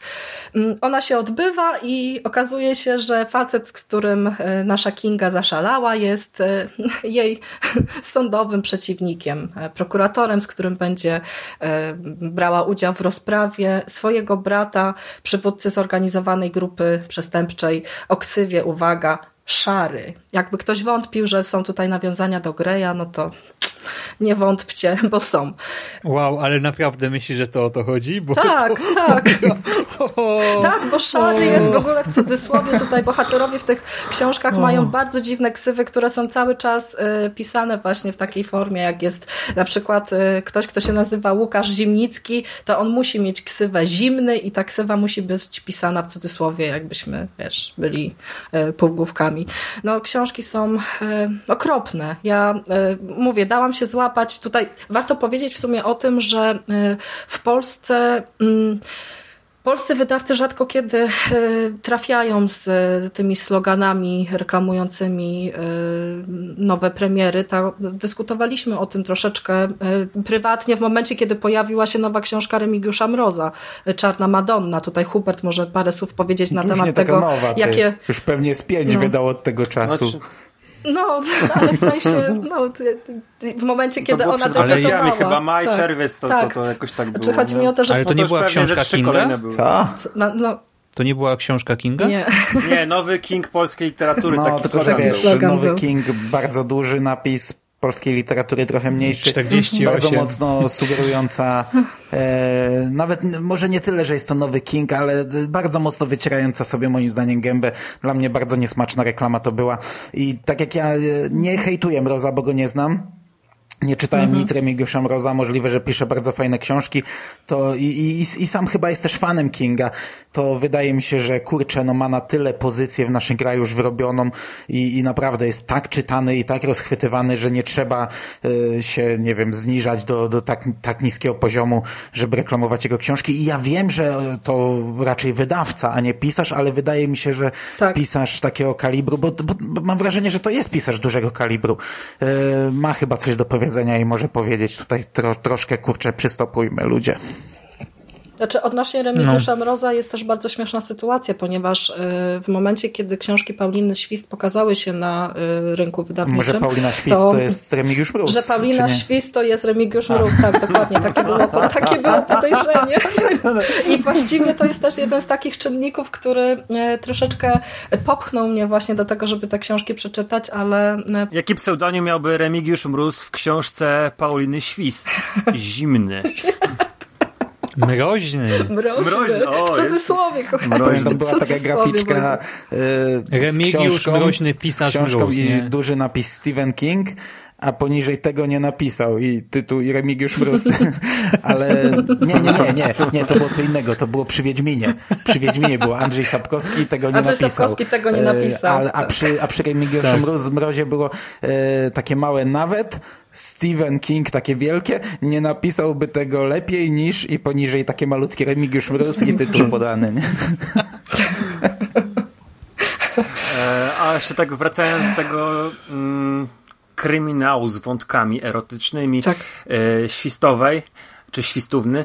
Mm, ja e, pamiętam takie czasy, gdzie na Polsacie po 23 leciały thrillery erotyczne i kilkakrotnie się złapałem też na to, że to może będzie thriller, a to zawsze były erotyki, gdzie fabuła mniej więcej wyglądała tak, że na przykład mm, kobieta e, miała męża, którego nie lubiła i symulowała e, powiedzmy mm, jakąś tam ciężką swoją sytuację, namawiała przypadkowego faceta poznanego w motelu i wrabiała go w morderstwo. E, I to zawsze było tak, że miałaś e, sześć scen erotycznych i 15 minut fabuły, ale to były erotyki, to nie były żadne takie, bo to leciało na Polsacie, ale mimo mm. wszystko też się zapałem kilka razy, yy, no wiadomo, że to były czasy, kiedy yy, czekało się na, na każdy thriller, każdy no, horror no, ale w telewizji. No, rozczarowany i... też pewnie nie byłeś, internetu wtedy nie było, nie? no... Teraz, tak, teraz sobie to robiłeś, no, nie? Ja, tak, tylko, ja, tylko, ja tylko mówię, że to mi, ja się tak, mi się kojarzy tak z tą książką Pauliny Świst, ale yy, nie powiedziałem, że nie sięgnę po te książki teraz. A czy my ci, Bogusia, przerwaliśmy tak w ogóle? Że sobie przerwaliśmy. Znowu ta, ta nostalgia wraca. Nie, Rozrzewnienie. Nie, nie sięgaj po nie, ponieważ to jest absolutna strata czasu. Ja mam wrażenie, że autorka e, miała aspirację, żeby stworzyć fajną fabułę, jednak tutaj, mm, znaczy paradoksalnie ta druga część, e, komisarz jest odrobinkę mm, lepsza może pod kątem jakichś tam takich elementów zaskakujących, natomiast umówmy się i to trzeba powiedzieć głośno, to... Ale to w to? tym komisarzu się przespała y, z komisarzem? Bo w pierwszej, rozumiem, książce się przespała z prokuratorem, nie, nie, a w drugiej z komisarzem komisarzem? W komisarzu nie. po prostu mamy innych bohaterów zupełnie, no, no, a ci, a. którzy pojawili się w prokuratorze y, również mają rolę, ale są jakby y, no, Weź mi wytłumacz, czemu dla... jak tobie się pierwsza książka nie podobała, to przeczytałaś jeszcze drugą? Ech, bo jestem nienormalna, bo miałam nadzieję, że ta druga będzie lepsza. Ja, moim zdaniem to y, znowu slogan cię kupił. Hubert, ty powinieneś wiedzieć, dlaczego w momencie, kiedy mi się pierwsza książka nie podobała, przeczytałam drugą, bo ja tak po prostu robię. Ja nie, nie, nie, nie lubię niedokończonych serii. Jak coś, co się ukazało i ma kilka tomów. Ja mam pytanie, gdzie są te wszystkie czytać... podcasty o tych twoich seriach? Jo, bo wczoraj przeglądałem, przeglądałem sobie audio, audiotekę, bo teraz bardzo dużo mhm. audiobooków będę przyswajał i przypadkiem trafiłem na serię Chrisa Cartera, zobaczyłem, że jest mnóstwo audiobooków. Mówię, kurczę, może sobie przesłucham. Mówię, Bogusia miała robić podcasty, nie robiła, to ja będę robił. No i tak widzisz, tak będzie. Nie tylko z tym pewnie. Dobrze. No, bo, bo, bo, widzisz, bo tutaj się dzieją takie rzeczy, że zamiast czytać fajnego Chrisa Cartera, to sięgam po Paulinę Świst. Tak akurat, sobie akurat tego, to, tego to nie rób może audio tych podcastów, bo po co, jak to jest takie nędzne, to nie ma sensu się, nie, pas, się pastwić. Właśnie, dlatego, dlatego stwierdziłam, że powiem o tym tutaj, żeby was od razu uprzedzić, że, że, że to nie są dobre książki i po prostu szkoda czasu. Ja się też bardzo mocno zastanawiam, na czym właściwie polega nadal fenomen fenomen literatury erotycznej, bo w momencie, kiedy e, Grey miał premierę, to od tamtego czasu popularność takiej literatury nie słabnie, ani trochę, wręcz przeciwnie, pojawia się coraz więcej e, pozycji, które można spokojnie wpakować do tego worka zarówno z, z nurtu takich romansów dla starszych czytelniczek, znaczy starszych, dojrzałych czytelniczek, jak i z tego nurtu dla, e, dla młodszych. I nie znalazłam odpowiedzi, na czym mm, to może po prostu wynika to z faktu, że to nie, nie ja jestem targetem te, te, tego typu literatury. No my tym bardziej, nie? No to, także to, może jakieś takie poszukiwanie. A tam już zamawia, nie? nie, ale ja googluję, ja, ja przegooglowałem sobie okładki. Nie, nie sięgnąłbym, same okładki już mnie nie zachwyciły. obrazków. Mando, to nie są komiksy. Szuka obrazków. Chociaż mam dziwne, mam dziwne wrażenie, że w momencie, kiedy powieść Pawliny Świst byłaby przerobiona na komiks, to może byłoby to trochę lepsze niż w, w, w wersji językowej, a jeszcze y, w, w sensie w wersji książkowej. Jeszcze chciałabym powiedzieć tylko o jednej rzeczy, bo e, tutaj autorka e, szczyci się troszeczkę tym, że e, wywodzi się z tego środowiska. To jest naj, najprawdopodobniej jakaś pani prawnik, która wydaje te powieści pod pseudonimem i ona w kilku wywiadach o swojej... Remigiusz Mróz to też jest. Ona w, w kilku wywiadach na temat swojego pisania e, mówi o tym, że e, nie owija w bawełnę, że środowisko polskich adwokatów i prokuratorów wygląda w rzeczywistości tak, jak ona opisuje w tych książkach. Ech, no mam nadzieję, że nie. A możesz ponieważ... przypomnieć jeszcze raz ten slogan, bo ja serio już nie pamiętam drugiego członka. że żadna gwiazda kryminału jeszcze nie eksploduje. Nie, nie, ale te pierwsze trzy te... Ostry, ostry, ostry seks, seks, ostry język, ostra jazda. A ostry język, ostra język. No tak, oni przeklinają bardzo dużo, nie? W tej pierwszej książce to jest nawet zrobione tak bardzo, bardzo nachalnie i właściwie y, dla mnie jako mm, takiego przypadkowego, nazwijmy to czytelnika, no to aż to wybijało y, momentami z, z, z toku fabuły. Mm, I dodatkowo ci mhm. bohaterowie zachowują się czasami jak y, mm, przedszkolaki po prostu, na takiej zasadzie, że ktoś coś komuś powie, a tutaj na przykład bohaterka się obraża. Nie, nie, już nie będę z nim rozmawiać, nie chcę go znać w ogóle, nie? Także moi drodzy, nie polecam, chyba że Chyba, że chcielibyście sobie przeczytać coś zabawnego na odmuszczenie. No nie, nie, to nie. może Nie, wtedy. nie, aż tak, Ale aż nawet tak. i wtedy Nie, nie. nie, nie. Aż takiego Nie. poczucia humoru nie mamy chyba. A wam powiem, a propos Greya, ale- bo mnie strasznie wkurzało tam te dwa czy trzy lata temu, jak jedynka leciała, to czy wkurzało, no bardzo żal mi było tych wszystkich biednych kuźwa mężczyzn, którzy zostali wyciągnięci na ten film w walentynki. Często, wiesz, bo musieli iść, bo, bo, bo tak, bo, bo albo mieli jakieś plany na wieczór, albo dopiero tutaj, dopiero tutaj smoili cholewy do, do danej kobitki. Yy, ale to też bardzo mocno nakręciło wtedy, podkręciło wyniki finansowe tego filmu, to, to, to, to mnie trochę wkurzało, a teraz to już ucichło, już o tym Greyu mam wrażenie się tak nie słyszy, to już nie jest popularny temat, ale wam powiem, ostatnio mi mignęło na Facebooku graficzka z e, maratonem Greya, trzy filmy. Ja się nie wiem, co bym musiał zrobić, żeby się tam dać na takie coś namówić. Ja wpadnę ci trochę w słowo, bo okazuje się, że Grey jeszcze nie, powie nie powiedział ostatniego słowa, bo y, 31 stycznia w, na polskim rynku wydawniczym pojawi się kolejna odsłona y, serii o, o, o Szarym i o Anastazji. Y, i będzie to, y, będą to wydarzenia z drugiego tomu tej głównej trylogii przedstawione y, z perspektywy Christiana Greya. Teraz w, w tej prozie kobiecej też często stosuje się właśnie takie zabiegi, tak jak kie- kiedyś było zrobione ze Zmierzchem, że jakieś wydarzenie, które były y, przedstawione załóżmy w trzecim tomie, potem autorka dopisała y, z punktu widzenia innej postaci. To na pewno będzie bestseller. Wow. Ech, wie, wiemy to. E, To dopiero będzie clickbait, jak damy, wiecie, w tagach i w zapowiedzi Greya. Ale my gardzimy clickbaitem, dlatego znów dzisiaj No. gadaliśmy o Pitbullu, a teraz o Greyu. No, A teraz o Greju. Ale właśnie, bo Bogusia poruszyła ten temat niesłabną, niesłabnącej popularności tego typu literatury. Ja myślę, że to jest po prostu naturalna kolej rzeczy, bo nagły wybuch tej popularności właśnie literatury erotycznej, czy z drugiej strony właśnie e, wegi i takiej popkultury, czy popkultury, nie wiem nawet, no, no dobra, powiedzmy popkultury, chociaż kreślę cudzysłów, e, strasznie wulgarnej, e, to, że to nagle tak wystrzeliło jako taka właśnie bomba marketingowa sprawiło, że ludzie się już tego nie wstydzą, nie? No bo wcześniej Tak. to jednak była trochę siara tak usiąść z taką książką, myślę. e, nie, w autobusie, nie, w tramwaju nie, nie, czy nie, coś. Nie, nie, nie, nie, na pewno nie. Ile, tak, to powiedz mi, ile osób, nie wiem, E, widziałeś co, 6, powiem ci 7, tak, 8 lat temu z książkami z takimi okładkami O Jezus, na przykład? słuchaj, ale wiesz, że to istniało w latach 90. coś takiego jak harlekiny. Tak. I harlekiny były różne. Były białe, były różowe, były czerwone, były fioletowe i były jakieś takie, które były pikantne, no nie? I tam były zaznaczone, że tam są mocne, erotyczne No sceny. I ile osób widziałeś I czytających wierz je mi, w że to na kopy, to w autobusie? Oczy... Ja wtedy miałem stary 12 lat. Ja po pierwsze bardzo niewiele jeździłem tramwajem, e, a po drugie niespecjalnie patrzyłem na starych ludzi z książkami. Ale wierz mi, że kobiety to czytały i ludzi czytały to e, w zastraszających ilościach. No jak miałem 12 lat, to dla mnie każdy powyżej 20 lat, kto, nie był moją mamą, to był stary.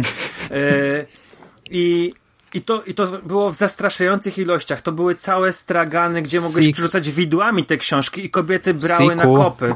Także nie mów mi, że to, to, to jest coś nowego, no. Wyłączyłeś mnie?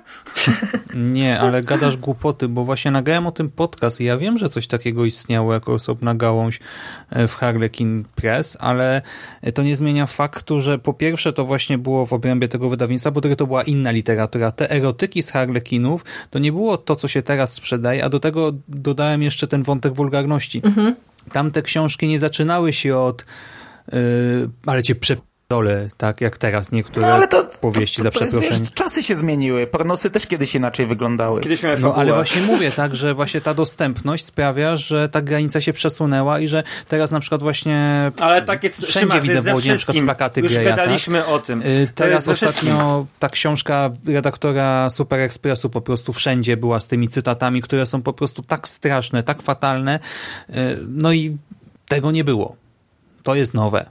Pół godziny temu Mando mówił, że telewizja przesunęła też granice i już teraz na przykład The Shield czy nowsze, yy, nowsi synowie anarchii też już nie szokują. Wszystko się przesuwa, jest, wiesz, mm, taki postęp i to, to, to w każdej dziedzinie kultury, y, w każdej dziedzinie literatury. Mhm. Także wydaje mi się, że tutaj nie ma, nie ma co szukać y, dziury w całym. Jest taka sytuacja, że się to będzie przesuwało, będzie, będzie wszystko bardziej brutalne, bardziej wulgarne, bardziej dosłowne y, i tyle. No. no ale to nie znaczy, że ja muszę temu przyklaskiwać nie, czy coś. Nie, nie, nie musisz, oczywiście, tylko ja ci Zwłaszcza mówię, w kontekście takich rzeczy, tak? Bo samo no, ale przesunięcie to jest, Ale to pewnie... nie, nie dziw... No to nie mów, że to jest... Znaczy tak, bo to wiesz, zaczęło się od tego, że mówisz, że to jest nowe na, na rynku... Yy erotyki. Nie no mówię, nie że są... to jest nowe właśnie, mówię no tylko... przecież, że ta popularność sprawiła ten chwilowy boom. Czy ty mnie słuchasz w ogóle, Siku?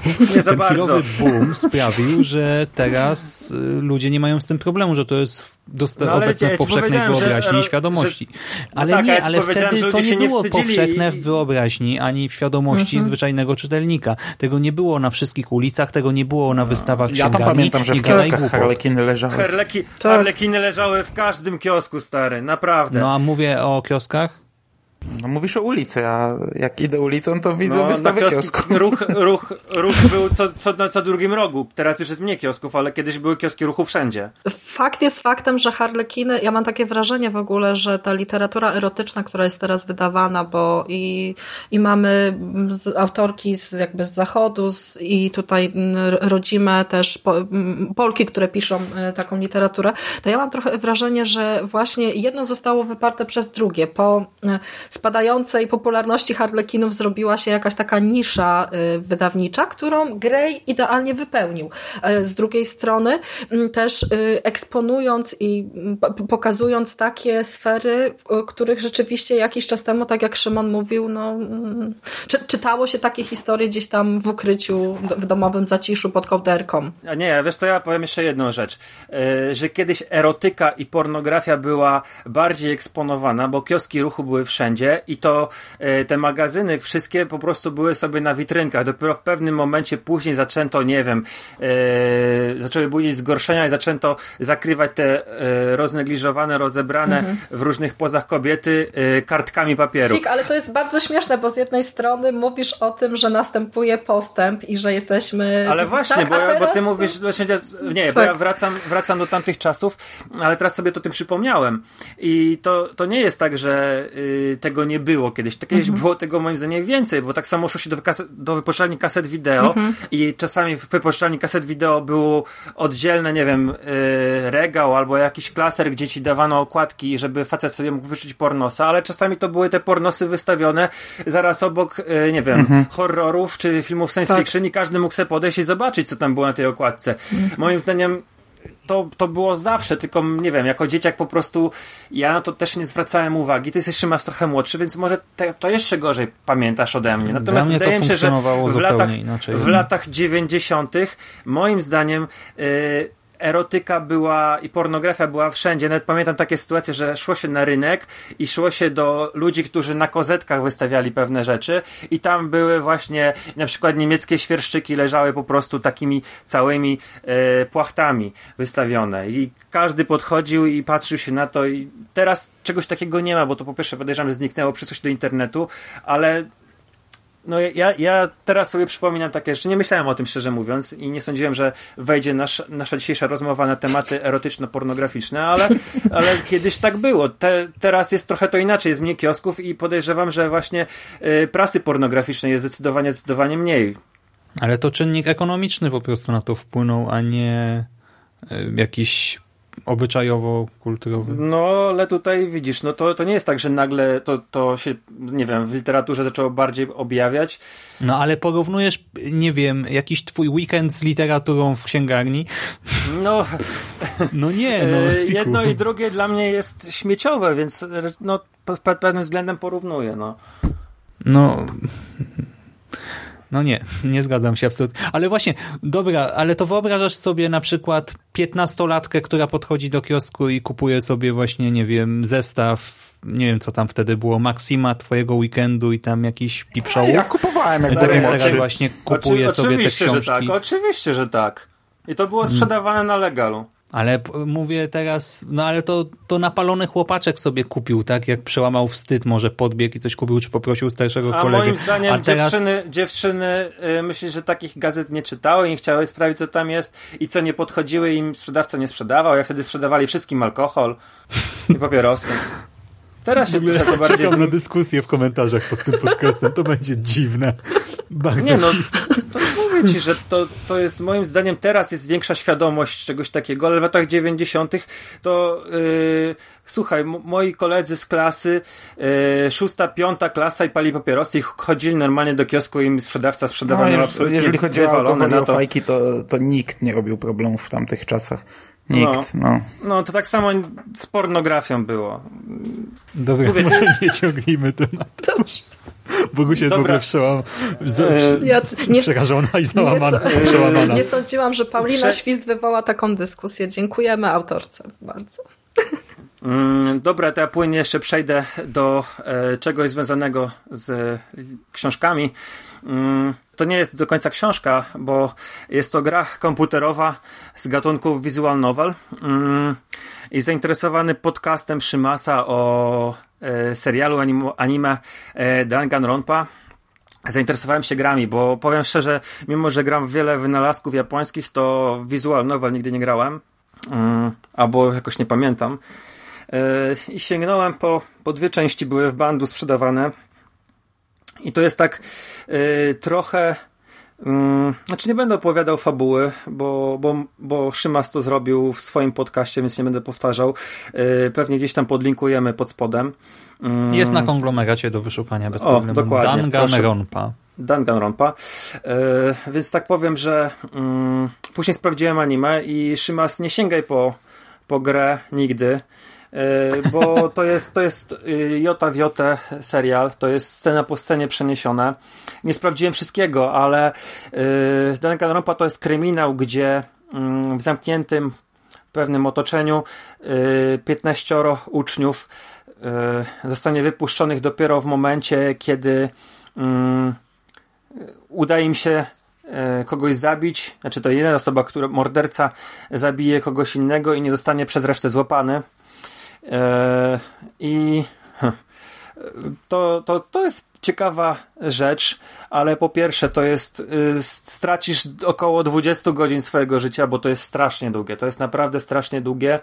Mm, I gameplay jest bardzo, bardzo mocno ograniczony do czytania. Tam wprowadzają pewne elementy y, chodzenia i, i y, rozmawiania z bohaterami, ale to jest czytanie masy tekstu i te sprawy, które y, takie jakby, no nie wiem, zbiera się mm, zbierają się wszyscy, wszyscy uczniowie i jest przeprowadzany powiedzmy proces albo dochodzenie. Jest bardzo no, no taki skro, skromny gameplayowo, to jest wybieranie odpowiednich zdań, które trzeba odbić kontrargumentem. Natomiast gra jest całkowicie liniowa. Spodziewałem się może czegoś na zasadzie mm, powieści paragrafowej, gdzie Mhm. będę mógł wybierać ścieżki yy, i troszeczkę inny wynik będzie. Natomiast nie, to jest absolutnie całkowicie liniowe. Wybierasz tylko e, to, co ci twórcy zaserwowali. Nie pójdziesz dalej, jeżeli nie znajdziesz jakiejś wskazówki. A cokolwiek zależy od twoich decyzji? E, absolutnie nic. I każda gra jest taka sama, tak zawsze ta sama osoba jest mordercą, wszystko jest tak, Tak, samo za, każdym, za, skryptowane. ka- za każdym razem i nawet nie możesz posunąć się dalej, jeżeli y, nie odnajdziesz jakiejś wskazówki, kto jest mordercą. Czyli załóżmy, nie możesz podejść do procesu, do tej, do tej rozprawy bez y, posiadania wszystkich informacji.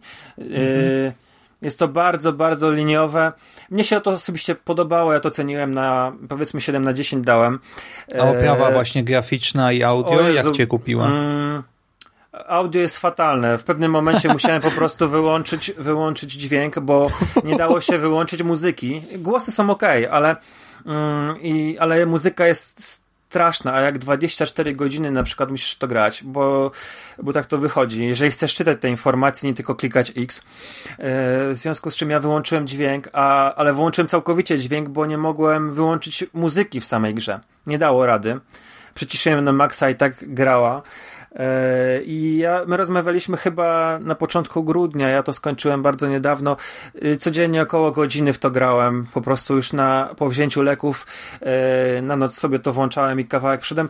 To też jest straszna katorga grać na konsoli stacjonarnej, bo ja grałem to na PlayStation. Natomiast myślę, że fajnie by to było grać na Vicie na przykład, albo na, e, na Androidzie czy iPhone'ie, e, mhm. gdzie sobie wyjmujesz telefon, czy tam konsolkę przenośną i zagrasz parę rozdziałów. Ja wiem, że takie e, gry są bardzo popularne na Nintendo Dual Screen, ale też no, ani Ace Attorney, ani tych innych gier tam nie, nie ograłem, nie znam. Mm. Także ja osobiście zadowolony jestem bardzo fabułą. Historia jest fajna. E, druga Ale część kup... to jeszcze bardziej no rozwija. E, dużo bardziej. Mm, ta mitologia jest ciekawa, interesująca. E, jest to jeszcze tam chyba prequel powstał i teraz trzecia część w zeszłym roku miała swoją premierę. Mm, tego już nie sprawdzę, bo to jest zdecydowanie za drogie i szkoda mi pieniędzy na, na tak bardzo monotonne i, i męczące rzeczy ja sobie mogę obejrzeć, nie wiem, mm, albo przeczytać w internecie fabułę tego. E, ale odradzam ci kupowanie i jeżeli ktoś chce poznać historię, to niech obejrzy sobie mm, anime. Z tego co przeglądałem, bo nie obejrzałem całego pierwszego sezonu, no bo to są sceny w scenę, to są nawet te same głosy, te same zdania, co były w grze, po prostu przeniesione, wszystko jest żywcem. Mm, tylko wiadomo, anime ma więcej animacji, mm, to jeżeli ktoś jest zainteresowany, to może obejrzeć. Nie wiem, czy, czy dalsze sezony anime się mm, łączą z drugą częścią gry, ale A są to... w ogóle dalsze? Bo jak ja oglądałem, A... tylko jeden. Aha, no ja tylko jeden myślałem, że dalej coś tam zrobili, ale jeżeli jest tylko jeden, no to, to to sprawa no to, jest rozwiązana. Ale to... to... właśnie w związku z tym, powiedz mi, jak się dwójka ma e, do jedynki fabularnie? Czy jest jakąś kontynuacją, czy to jest zupełnie tak, nowa jest, grupa jest, osób? Jest, jest kontynuacją, jest zupełnie nowa grupa osób, e, ale jest kontynuacją. Pod koniec pojawiają się, e, pojawia się troje bohaterów, którzy przeżyli no, Pierwszą szkołę rozpaczy. Tak, tak, tak, tak, tak, tak, tak. I jest ten misiek, tak, oczywiście, ta sama postać Monokuma. Monokuma! Mm, I e, no to bardzo rozwija e, lore całej, całej, tej, całej tej Danganronpy. To jest dużo, dużo ciekawych rzeczy. Mm, po, po, dopowiedziane e, wydarzenia omawiane są też spoza, mm, spoza tego, co się działo w jedynce i w dwójce, bo w ogóle całość dzieje się na wyspie, no nie? Tutaj yy, na początku ma być szkoła letnia i, yy, i oni sobie jadą na taki jakby wyjazd integracyjny, ale Monokuma to przejmuje i i, yy, i robi im piekło na wyspie, no nie? Dobra, kończę. zamykam temat. 7 gry. na 10. tak. 7 na 10. Dokładnie. No dobra, to omówiliśmy filmy, seriale, książki, gry. Komiksów dzisiaj nie ma, ale o komiksach tyle ostatnio mówimy na Konglo, że chyba y, słuchacze to przeżyją. To co, jeszcze jakieś imprezy, eventy?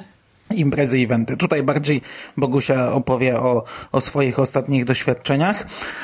E, kolejnych po, po tej książce, o której przed chwilą mówiła, również związanych z ciałem. Natomiast ja chciałbym e, króciutko o dwóch imprezach nadchodzących powiedzieć. To są bardzo malutkie imprezy, ale może kogoś zainteresują. Dzisiaj nie było o Gwiezdnych Wojnach, nie było o dobrych filmach za zbyt wiele, więc e, w Łodzi 24 marca odbędzie się taka impreza, która nazywa się Holokron z lot fanów Star Wars. To się odbędzie w Domu Kultury.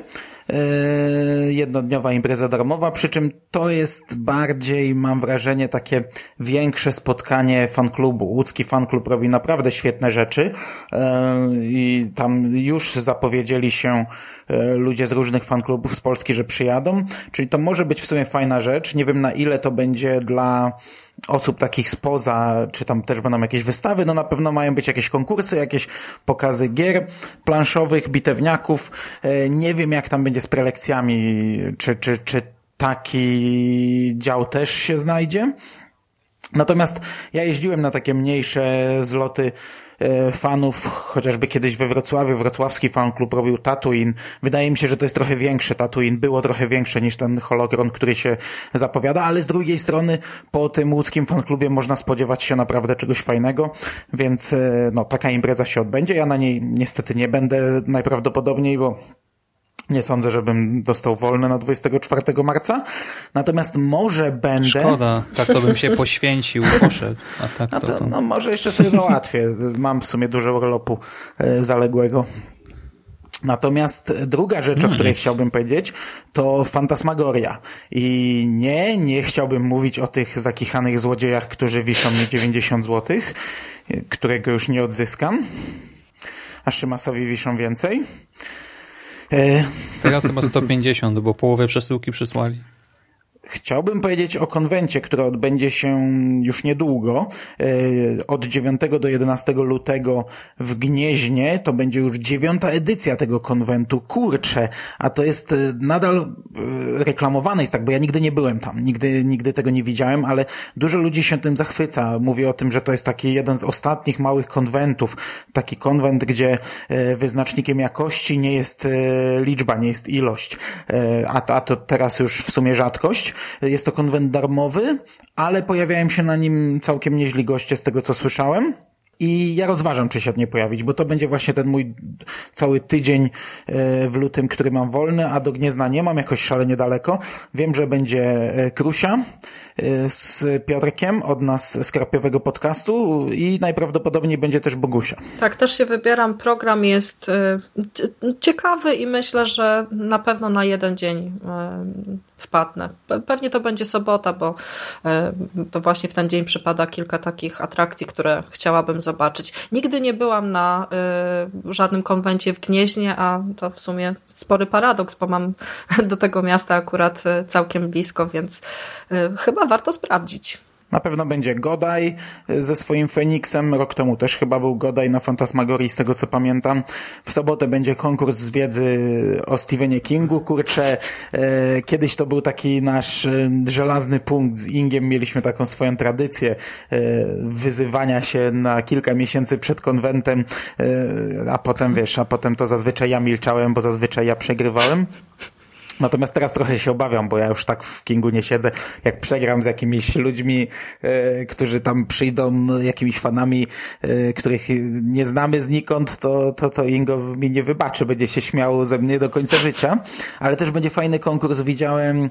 Mm, z kadrami z mhm. filmów. Lubię takie konkursy, przy czym to będą filmy z lat 80. i 90. To coś czuję, że Sik by tutaj się dobrze sprawdził. ale nie, nie, nie da rady, nie dam rady dojechać. To już mm. wykluczam od razu.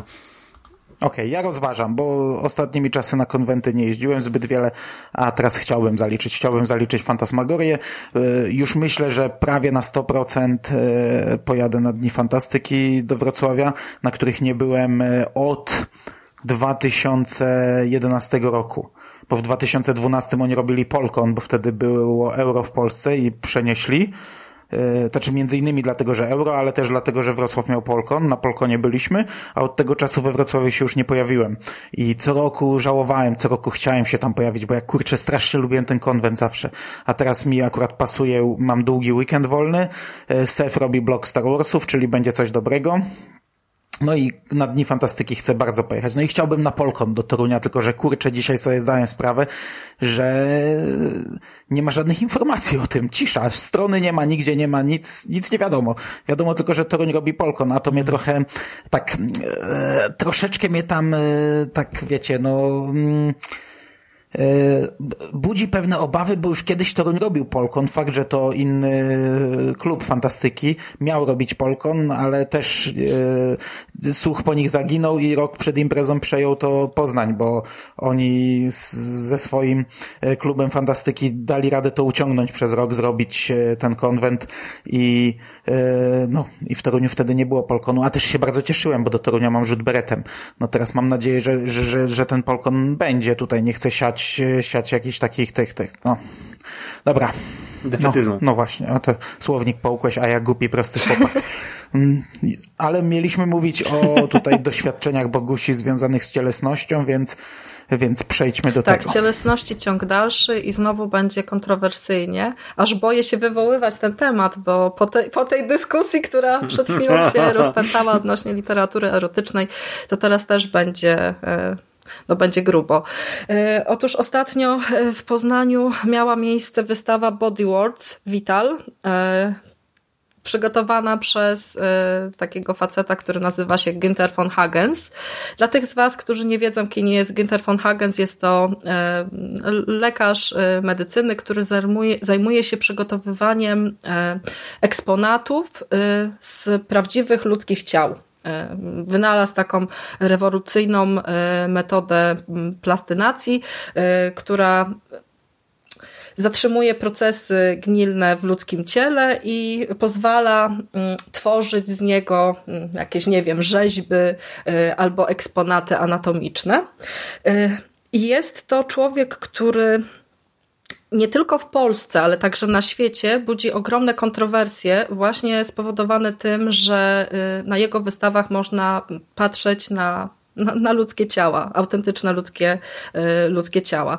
Ja przyznam Wam się szczerze, że y, nie będę tutaj mm, żadnych jakichś y, sądów wygłaszać na temat tego, czy jest to e, wizjoner, czy jest to diabeł wcielony, bo e, daleka jestem od tego, żeby mm, takie sądy na jego temat e, tutaj wygłaszać. Ja powiem Wam, jak to wygląda z mojej perspektywy. A z mojej perspektywy wygląda to następująco.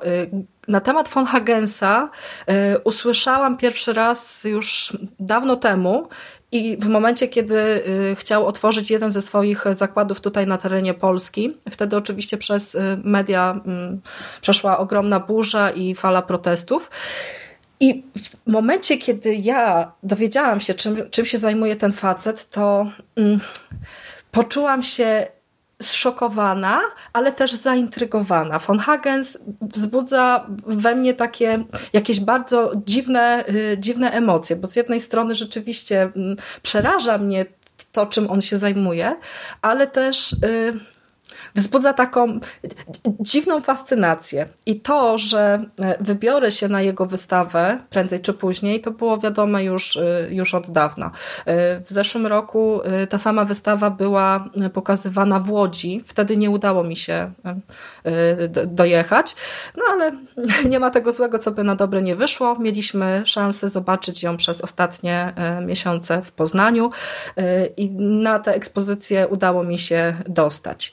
I powiem Wam, że jest to wystawa, która jest postawiona bardziej na takie wartości edukacyjne, ponieważ ja w ogóle byłam zdziwiona faktem, że bardzo dużo rodzin z dziećmi brało udział w tej, w tej ekspozycji. I to widziałam właściwie tylko jedną dziewczynkę, taką małą, która była przerażona tym, na co patrzy, a pozostałe dzieciaki reagowały naprawdę fantastycznie zadając pytania, bo ta ekspozycja w dużej mierze opiera się na eksponatach, eksponatach poszczególnych części naszego ciała. Mamy podzielone, podzieloną tę wystawę na układy, osobny dział z układem na przykład oddechowym, osobny z pokarmowym i tam jest nacisk położony na propagowanie zdrowego trybu życia.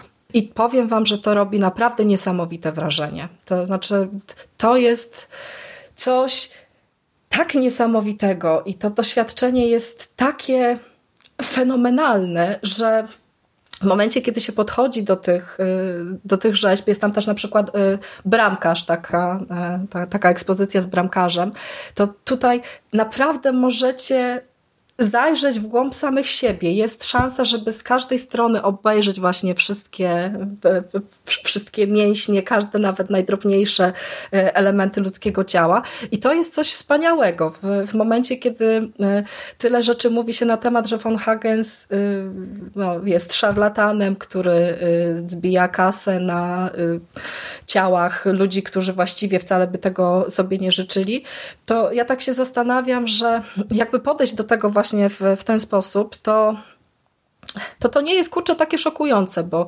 każdy każda szansa na to, bo te, żyjemy w, takim, w takich czasach, że chcemy wszystko widzieć dokładnie, widzieć z bliska, poznać jak najdogłębniej i te jego preparaty dają właśnie na to szansę. Tam była też na przykład fajna taka gablota, w której można było sobie porównać płuca osoby zdrowej, uprawiającej sport, bo każdy z tych eksponatów był też dokładnie opisany w języku polskim i w języku angielskim i obok tych zdrowych płuc mieliśmy płuca y, osoby osoby palącej przez lata i to robi naprawdę kapitalne wrażenie. E, jeśli nie boicie się kontrowersji i jeśli jesteście ciekawi, e, to gorąco polecam, bo e, jest to naprawdę świetne doświadczenie. Ja ze swojej strony powiem jeszcze, że ten niedosyt, który czuję, troszeczkę chyba popchnie mnie do tego, żeby wybrać się do Guben, czyli do tego jakby do tej centrali, w której y, von Hagens ma zgromadzoną większość y, swoich y, eksponatów. To jest coś godnego uwagi i polecam. Mhm. A mogę o coś dopytać szybko? Oczywiście. Ja też chcę dopytać. Cała wystawa była dostępna dla wszystkich, znaczy też dla dzieci. Tak. Czy był jakiś osobny blog? I a zwróciłeś może uwagę, czy te inne edycje wystawy w innych miastach też miały ten podtytuł Vital? Właśnie Vital? nie. Właśnie nie. W Polsce, z tego co się orientuję, były wystawiane chyba trzy ekspozycje e, przez ostatnich kilka lat i ta łódzka chyba się nazywała Circle of Life i tam w, w, w trakcie tej wystawy były tak. pokazywane tak. inne eksponaty.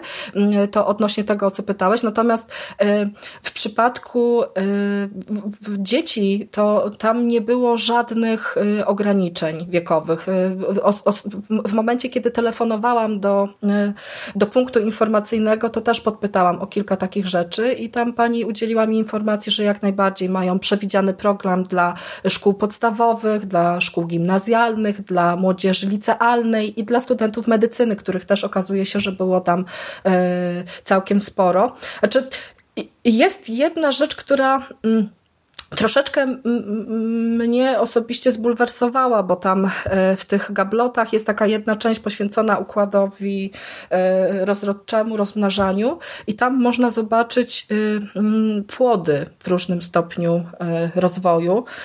I powiem wam, że to robi kurde naprawdę wrażenie takie, że Teraz pytanie, pytanie, w jaki sposób on y, je dostał, bo wiesz, no to jeżeli patrzysz na eksponat, to mhm. mm, możesz iść do muzeum i zobaczyć y, ludzkie szkielety, tak? Tak. Y, I no okej, okay, to nie robi takiego samego wrażenia, ale mhm. jeżeli patrzymy na eksponat, że ktoś na przykład dał swoje ciało i na przykład dziwię się, że dali jemu, a nie na przykład nie oddali uniwersytetom medycznym, bo z tego co wiem, to moi znajomi, którzy studiowali medycynę, skarżyli skarżyli się, że te y, ciała, na których się uczą, to są no już nie pierwszej znaczy, świeżości. Znaczy, to ci... są Powiem Ci, Sik, że y, von Hagens zaczynał właśnie od przygotowywania preparatów dla y, Instytutu Anatomicznego, y, a odnośnie dawców to z tych informacji, które są dostępne wszędzie i które mówiła też rzecznik prasowy wystawy, no to na chwilę obecną w Instytucie Plastynacji w Guben jest zarejestrowanych 17 tysięcy dawców, w tym 11 mhm. osób z Polski. I to są osoby, które dobrowolnie podpisują taką deklarację, że no to... przekazują jakby swoje, swoje ciało na rzecz badań naukowych. Jakby nie Uniwersytet patrzeć. Medyczny w Łodzi też pewnie y, jest chętny, to jak ktoś słucha, chce jemu oddać, to niech się zastanowi, czy y, na przykład Polskiej Służby Zdrowia nie wspomóc swoim ciałem. Mhm. E, natomiast wieszcie co? Ja kiedyś czytałem mm, właściwie o takiej kontrowersji innej związanej z nim i nie wiem, czy to jest prawda, okay. ale y, chodziło o to, o Chiny, że... Więźniowie sumienia, tak, dość głośna sprawa. Tak, właśnie, mhm. właśnie, właśnie cię miałem o to zapytać, bo może mm, zgłębiłaś trochę bardziej ten temat, ale y, czy to jest prawda, czy, czy jak, to, jak to wygląda? Znaczy, Kojarzysz może? Wiesz, powiem Ci, Sig, że na temat von Hagensa krąży bardzo dużo różnych y, opinii i ja zastanawiam się, ile z nich jest jakby y, wymyślonych, żeby jego zdyskredytować. Zdyskredytować, mhm. dokładnie, a i, Znaczy, z tych informacji, które gdzieś tam w internecie są dostępne e, i w, w wywiadach, które von Hagens również po tej całej aferze, o której wspomniałeś, e, udzielał w różnych mediach, e, to taka sytuacja się nie odbyła. To są też podobno zwłoki przekazane dobrowolnie. Ja, no, no, właściwie to my nie do końca jesteśmy wtajemniczeni w te wszystkie arkany jego pracy, więc... E, no ale umówmy się też, że jednak e, no, jakby pewne rzeczy wypłynęły, no to mhm. inaczej by się e, sprawa wystawy czy samego twórcy tak potoczyła, tak? Bo zwłaszcza, że to były takie newsy, gdzie one się pokazywały, w jakich gazetach, tak? To była Yellow Press głównie, tak, tak. bo do mnie to też wtedy dotarło, nagle wielki skandal, ale potem sprawdziłem źródła i nie było żadnego sensownego źródła, szczerze mówiąc. Mhm. Naprawdę wszystko prowadziło właśnie do tabloidów, faktoidów i mhm. tyle. Mhm. Znaczy, ja jestem też troszeczkę przerażona y, może całą taką nagonką, y, która y, powstaje wokół tej osoby, bo zastanawiam się, jakby to wyglądało, gdybyśmy na przykład pokazali jego pracę, nie podkreślając tego właśnie tego faktu, że to są prawdziwe ludzkie zwłoki, bo to te, te preparaty są równie dobrze, mogą być wykonane, nie wiem, z jakiegoś plastiku innego tworzywa. I tutaj właśnie ten... Mm, najbardziej kontrowersyjny element polega na tym, że to są prawdziwi ludzie, nie? ale z drugiej strony von Hagens y, nie sprzedaje pamiątek. Tutaj nie ma żadnych sklepów, mhm. w których możesz sobie kupić kurczę kawałek, nie wiem, stopy albo tam jakiś palec, tylko to są wszystko takie rzeczy, które mają czemuś służyć. On jest tak po trosze właśnie naukowcem, e, z, z, drugiej strony jakby artystą, bo tutaj trzeba mu oddać, że te eksponaty e, skonstruowane z całych ciał e, są naprawdę fenomenalne. To robi ogromne wrażenie. Fajnie, fajnie, że to jest, ma walory edukacyjne i, i tak. fajnie, że może ktoś y, młody, będąc na takiej wystawie, zafascynuje się ludzką mm -hmm. anatomią i y, niekoniecznie zostanie seryjnym mordercą, ale zostanie na przykład lekarzem i okaże się dobrym chirurgiem. Znaczy, ja powiem Ci, Sik, jeszcze jedną rzecz, tylko tak na koniec już. E, ja e, po powrocie z tej wystawy prześledziłam trochę informacji, które pojawiały się w różnych mediach, w gazetach poznańskich i tutaj w jakichś lokalnych, mm, że tak powiem, miejscach. I okazuje się, że mm, lekarze i w ogóle te środowiska medyczne chwalą tę wystawę. Więc to. No właśnie, no ja się nie dziwię, bo to podejrzewam tak. ma bardzo dużo, yy, dużo dobrego robi. Tak, i to, to oni yy, mówią o tym właśnie w takich kategoriach, że jest to yy, nowoczesne i niepowtarzalne propagowanie wiedzy o nas samych. Yy, bo... No, no, ale tutaj właśnie, ja na przykład w tej wystawie nie widzę nic kontrowersyjnego. Jeżeli, on nie, jeżeli się ludzie sami zgłaszają, tak. jeżeli dają swoje ciała, żeby mogły służyć jako eksponaty. Wiesz, to to nie są to nie, on nie wsadza im, nie wiem, e, nie robi sztuki nowoczesnej i nie robi z ich ciała jakiegoś, e, jakiejś dziwnej rzeźby, tylko tworzy coś, co ma służyć edukacji. Tak, mamy to jest bardzo na Kontrowersyjne mamy może postaci... nie jest, ale dla mnie przerażające. Ja googluję teraz sobie to i no, przerażające, nie chciał tak, tego chyba na żywo obejrzeć i przerażające znaczy- i jako z, z tą świadomością, że to ludzie i też z punktu widzenia fana horroru jest to dla mnie absolutnie przerażające. Znaczy, powiem wam, y, y, jest jedna rzecz, która mnie osobiście troszeczkę, troszeczkę zaskoczyła. Podsyłałam informacje o tej wystawie Jeremu i w sumie to, oboje doszliśmy do wniosku, że najbardziej dziwną, dziwnym elementem tej całej ekspozycji jest fakt, że jest ona pokazywana w centrum handlowym, bo z jednej strony wiecie, macie... Ale w Łodzi też tak było, w Łodzi wiesz, w Porcie tak Łódź była tak, pokazywana. Tak, tak, dokładnie to wyglądało tak samo, więc to ja odnoszę takie wrażenie, że to jest właśnie e, z jednej strony ta edukacyjna ekspozycja, a z drugiej strony też coś postawionego na e, komercję. No nie bójmy się tego słowa po prostu. Nie? Bo z jednej Ale strony... niekoniecznie też może by się chciało jakieś muzeum zgodzić yy, tak. i łatwiej jest wynająć powierzchnię w centrum, centrum handlowym, handlowym, niż próbować dogadywać się z jakimiś, wiesz, z halami wystawowymi, mm -hmm. czy czy właśnie z jakimś muzeum. Szczególnie, że też centra handlowe mają zazwyczaj bardzo dobry dojazd, duże parkingi Tak. yy, i po prostu I może ludzie oni... przy okazji po prostu widzą, O, tak mogą dokładnie. wstąpić, a do muzeum trzeba podjechać celowo z myślą o ekspozycji, tak? Więc no, efekt marketingowy jest za darmo. Nie tyle komercja Mhm. y, z punktu widzenia, że wystawa jest komercyjna. Znaczy, no wystawa jest komercyjna, Jest tak? No bo komercyjna. Ale, ale co to jest w Bilety i tak dalej. tak, że jak ja wejdę sobie kupić kurczę bułkę, to to Nie. zobaczę? Tak, Nie, to tak jak masz. Nie, nie, Mando, to jest tak jakbyś miał na przykład. Niektóre galerie mają tak wydzielone mm, miejsca na sklepy. I właśnie to jest po prostu takie, yy, że masz. Tam, gdzie powinien być sklep, to wchodzisz i masz tą wystawę, tak? Tak. Ale to w końcu mm, ta nazwa sama, galeria handlowa, to ma jakieś, nabiera jakiegoś, no nie wiem, znaczenia yy, tego słowa, że to jednak jest nie, nie tylko wielki hipermarket, no. Wyobraziłem sobie teraz Mando wchodzącego po bułki i tak nagle wystawa Von Hagensa i Mando tak się cofnął do domu, nie? Kochanie, a gdzie pieczywo? Nie ma, nie będzie. Tak się zwinął w kuleczkę i już nie jadł. Nigdy. No ale kurczę, bo sobie Znowu się popłakałem. i, i jest jedna rzeźba, która się bardzo często przewija, ciężarnej kobiety z rozciętym brzuchem i z płodem. To jest wszystko prawdziwe? Tak, tak. Z tego, co oni mówią, to nawet na tych eksponatach, które widzieliśmy. Przy tych eksponatach, które widzieliśmy w Poznaniu i które będziemy mogli zobaczyć też w innych miastach, bo z tego co wiem, to w lutym e, wystawa Body Words Vital e, otwiera swoje podwoje w Krakowie, e, to tutaj Wiem, że na pewno przy jednej, jednej rzeźbie był wymieniony mostek i wiem, że nie wszystkie mają prawdziwe oczy, bo y, jak sam von Hagens mówi, te, mm, ten proces y, plastynacji oczu jest bardzo trudny i nas, nastręcza mu w sumie bardzo dużo problemów, także to, to są w sumie takie dwa elementy, które y, mogą być nieautentyczne, ale generalnie po, pozostałe to tak, to są prawdziwe eksponaty. Huberta zamurowało.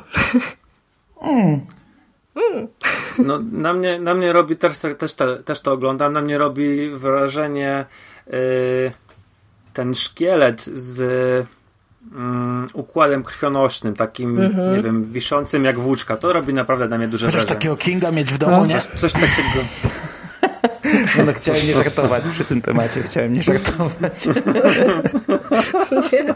No to, słuchaj, Hubert, przy takich kontrowersjach to tylko troszeczkę żartów może nas, y, może nas uratować przed całkowitym jakimś popadnięciem, wiesz, tutaj w nawoływanie do bojkotu i tutaj wyrzucaniem. No to, to, to, to może szokować, ale no, no umówmy się, że inne wartości też sobie przedstawia. A teraz tak sobie patrzę i y, widzę człowieka takiego zalanego w taflach plastiku, pociętego na płaty, coś takiego chyba jak y, No to, to dużo osób robi dużo takich zdjęcia, e, re, rezonans e, chyba tak robi mm, zdjęcia. Tak. I tak sobie przypomniałem taki film Cela z Jennifer Lopez i tam chyba coś takiego było, że ona się przenosiła do umysłu mm, mordercy i chyba tak w taki sposób pocięto konia. Ale tutaj koń też mi mignął, ci powiem, jak Tak, teraz von Hagen zrobił googlowałem również sobie. preparaty ze zwierząt, tak, tak. On, Jestem ciekawy, jestem ciekawy czy to, czy to yy, czy to ins- tylko jest mocna inspiracja, czy on tam przypadkiem nie, nie, muszę sobie to później sprawdzić. Ale w ten płynny E, sposób ekspo- możemy przejść teraz do popkultury. Nie, dobra, bo... bo nie, bo przerwałem. Dobra, koniec, koniec oglądania, oglądania yy, O, ręce na stół, ciał. Szyman. Cie, zostawiamy cielesność. Wiemy, że jesteś w szafie. Halo. Halo, Szyman. Gdzie Szymas? wypada, tak? Szymo, Czekajcie, muszę przymknąć. O. Dobrze, to wracamy do popkultury i przechodzimy do tematu odcinka. Mamy już godzinę 50 za nami. A tematem odcinka są kioskowe kolekcje książek i komiksów.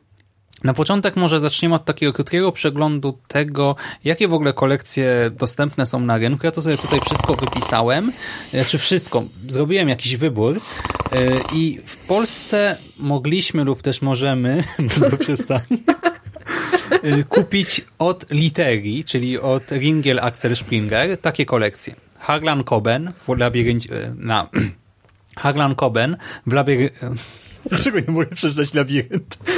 W labiryncie. Coben w labiryncie kłamstw, John Grisham w świetle prawa, Stephen King kolekcja Mistrza Grozy, Tess Gerritsen Anatomia zbrodni, Jack Reacher Ponad prawem, Joanna Chmielewska Królowa polskiego kryminału.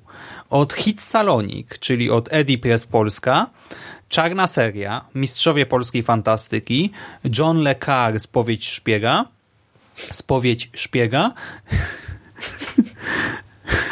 Bogusia. Mistrzynie polskich kryminałów, Jonesbo, Trudy Canavan, bestsellery fantasy, bestsellery Charlotte Link, Remigiusz Mróz, Śladami zbrodni, z zimną krwią kolekcja thrillerów, Mistrzynie kryminału obyczajowego, nowa fala polskiego kryminału. Od Hachette wyszła kolekcja Agaty Christie, od Pruszyńskiego Terry Pratchett kolekcja Świata Dysku, od wydawnictwa literackiego Światy Równoległe fantastyczna kolekcja, a z Biblioteki Gazety Wyborczej innymi dzieła Stanisława Lema, literatura czeska, książki wybrane Marka Chłasko, Tadeusza Konwickiego oraz takie dwie kolekcje, od których chyba w ogóle to wszystko się w Polsce zaczęło, czyli XX wiek, kolekcja e, Biblioteki Gazety Wyborczej i XIX wiek, kolekcja Biblioteki Gazety Wyborczej i tutaj tak orientacyjnie w tym XIX wieku ukazała się innymi Zbrodnia i Kara, Wehikuł Czasu, Dr. Jekyll Mr. Hyde, 20 tysięcy mil podwodnej nie podwodnej, co ja mówię, podmorskiej żeglugi. Tak, rękopis znaleziony w Saragossie, portret Doriana Greya, klub Pickwicka, e, Pickwicka, Frankenstein, Diable, Eliksiry i tak dalej, i tak dalej, a w XX wieku ojciec chrzestny imię Róży, Lolita, Dziesięciu Murzynków, Christie, Blaszany Bębenek, Proces Kawki, rok 1984, Solaris i dużo, dużo więcej. To tyle, jeżeli chodzi o książki. Zbieracie coś z tych kolekcji? Albo zbieraliście? To znaczy, y, jeszcze chciałem powiedzieć jedną rzecz, tak ci wtrącić, że chyba mm, nie jestem do końca przekonany, czy coś było wcześniej, ale y, kwiecień 1992 rok wydawnictwo Pol Nordica wprowadza na polski Saga rynek ludzi lotu. Dokładnie, Tak. Margaret Sordemo chyba. Dokładnie. I to były reklamy telewizyjne, to się ukazywało co miesiąc w kioskach. E, 47 tomów. Mhm. Mm, można było to kupować chyba tylko w ruchu. To nie miało, nie trafiało do, chyba do księgarni, o ile dobrze kojarzę. Nadal nie trafia. I, Okej, i to było dystrybuowane do kiosków, a później e, jeszcze była saga o czarnoksiężniku tej samej autorki i chyba jeszcze saga o e, ludziach światła, czy coś takiego. Już teraz nie do końca pamiętam. W każdym razie to był kwiecień 1992 rok, początek chyba takich kolekcji w Polsce. A to potem, y, bo potem ludzie lodu chyba z faktem wychodzili, nie? To była jakaś reedycja. E, wznowienie Tak, to reedycji. wznowienia. Tak, reedycja. Bogusia, przeczytałaś cała? Okej. Co? Saga No. o ludziach lodu? Nie, utknęłam w Zaczęłaś, nie skończyłaś? Na 25 tomie. Moja siostra chyba przeczytała całe. A, a przynajmniej prawie wszystko z tego, co pamiętam, ale w reedycji chyba.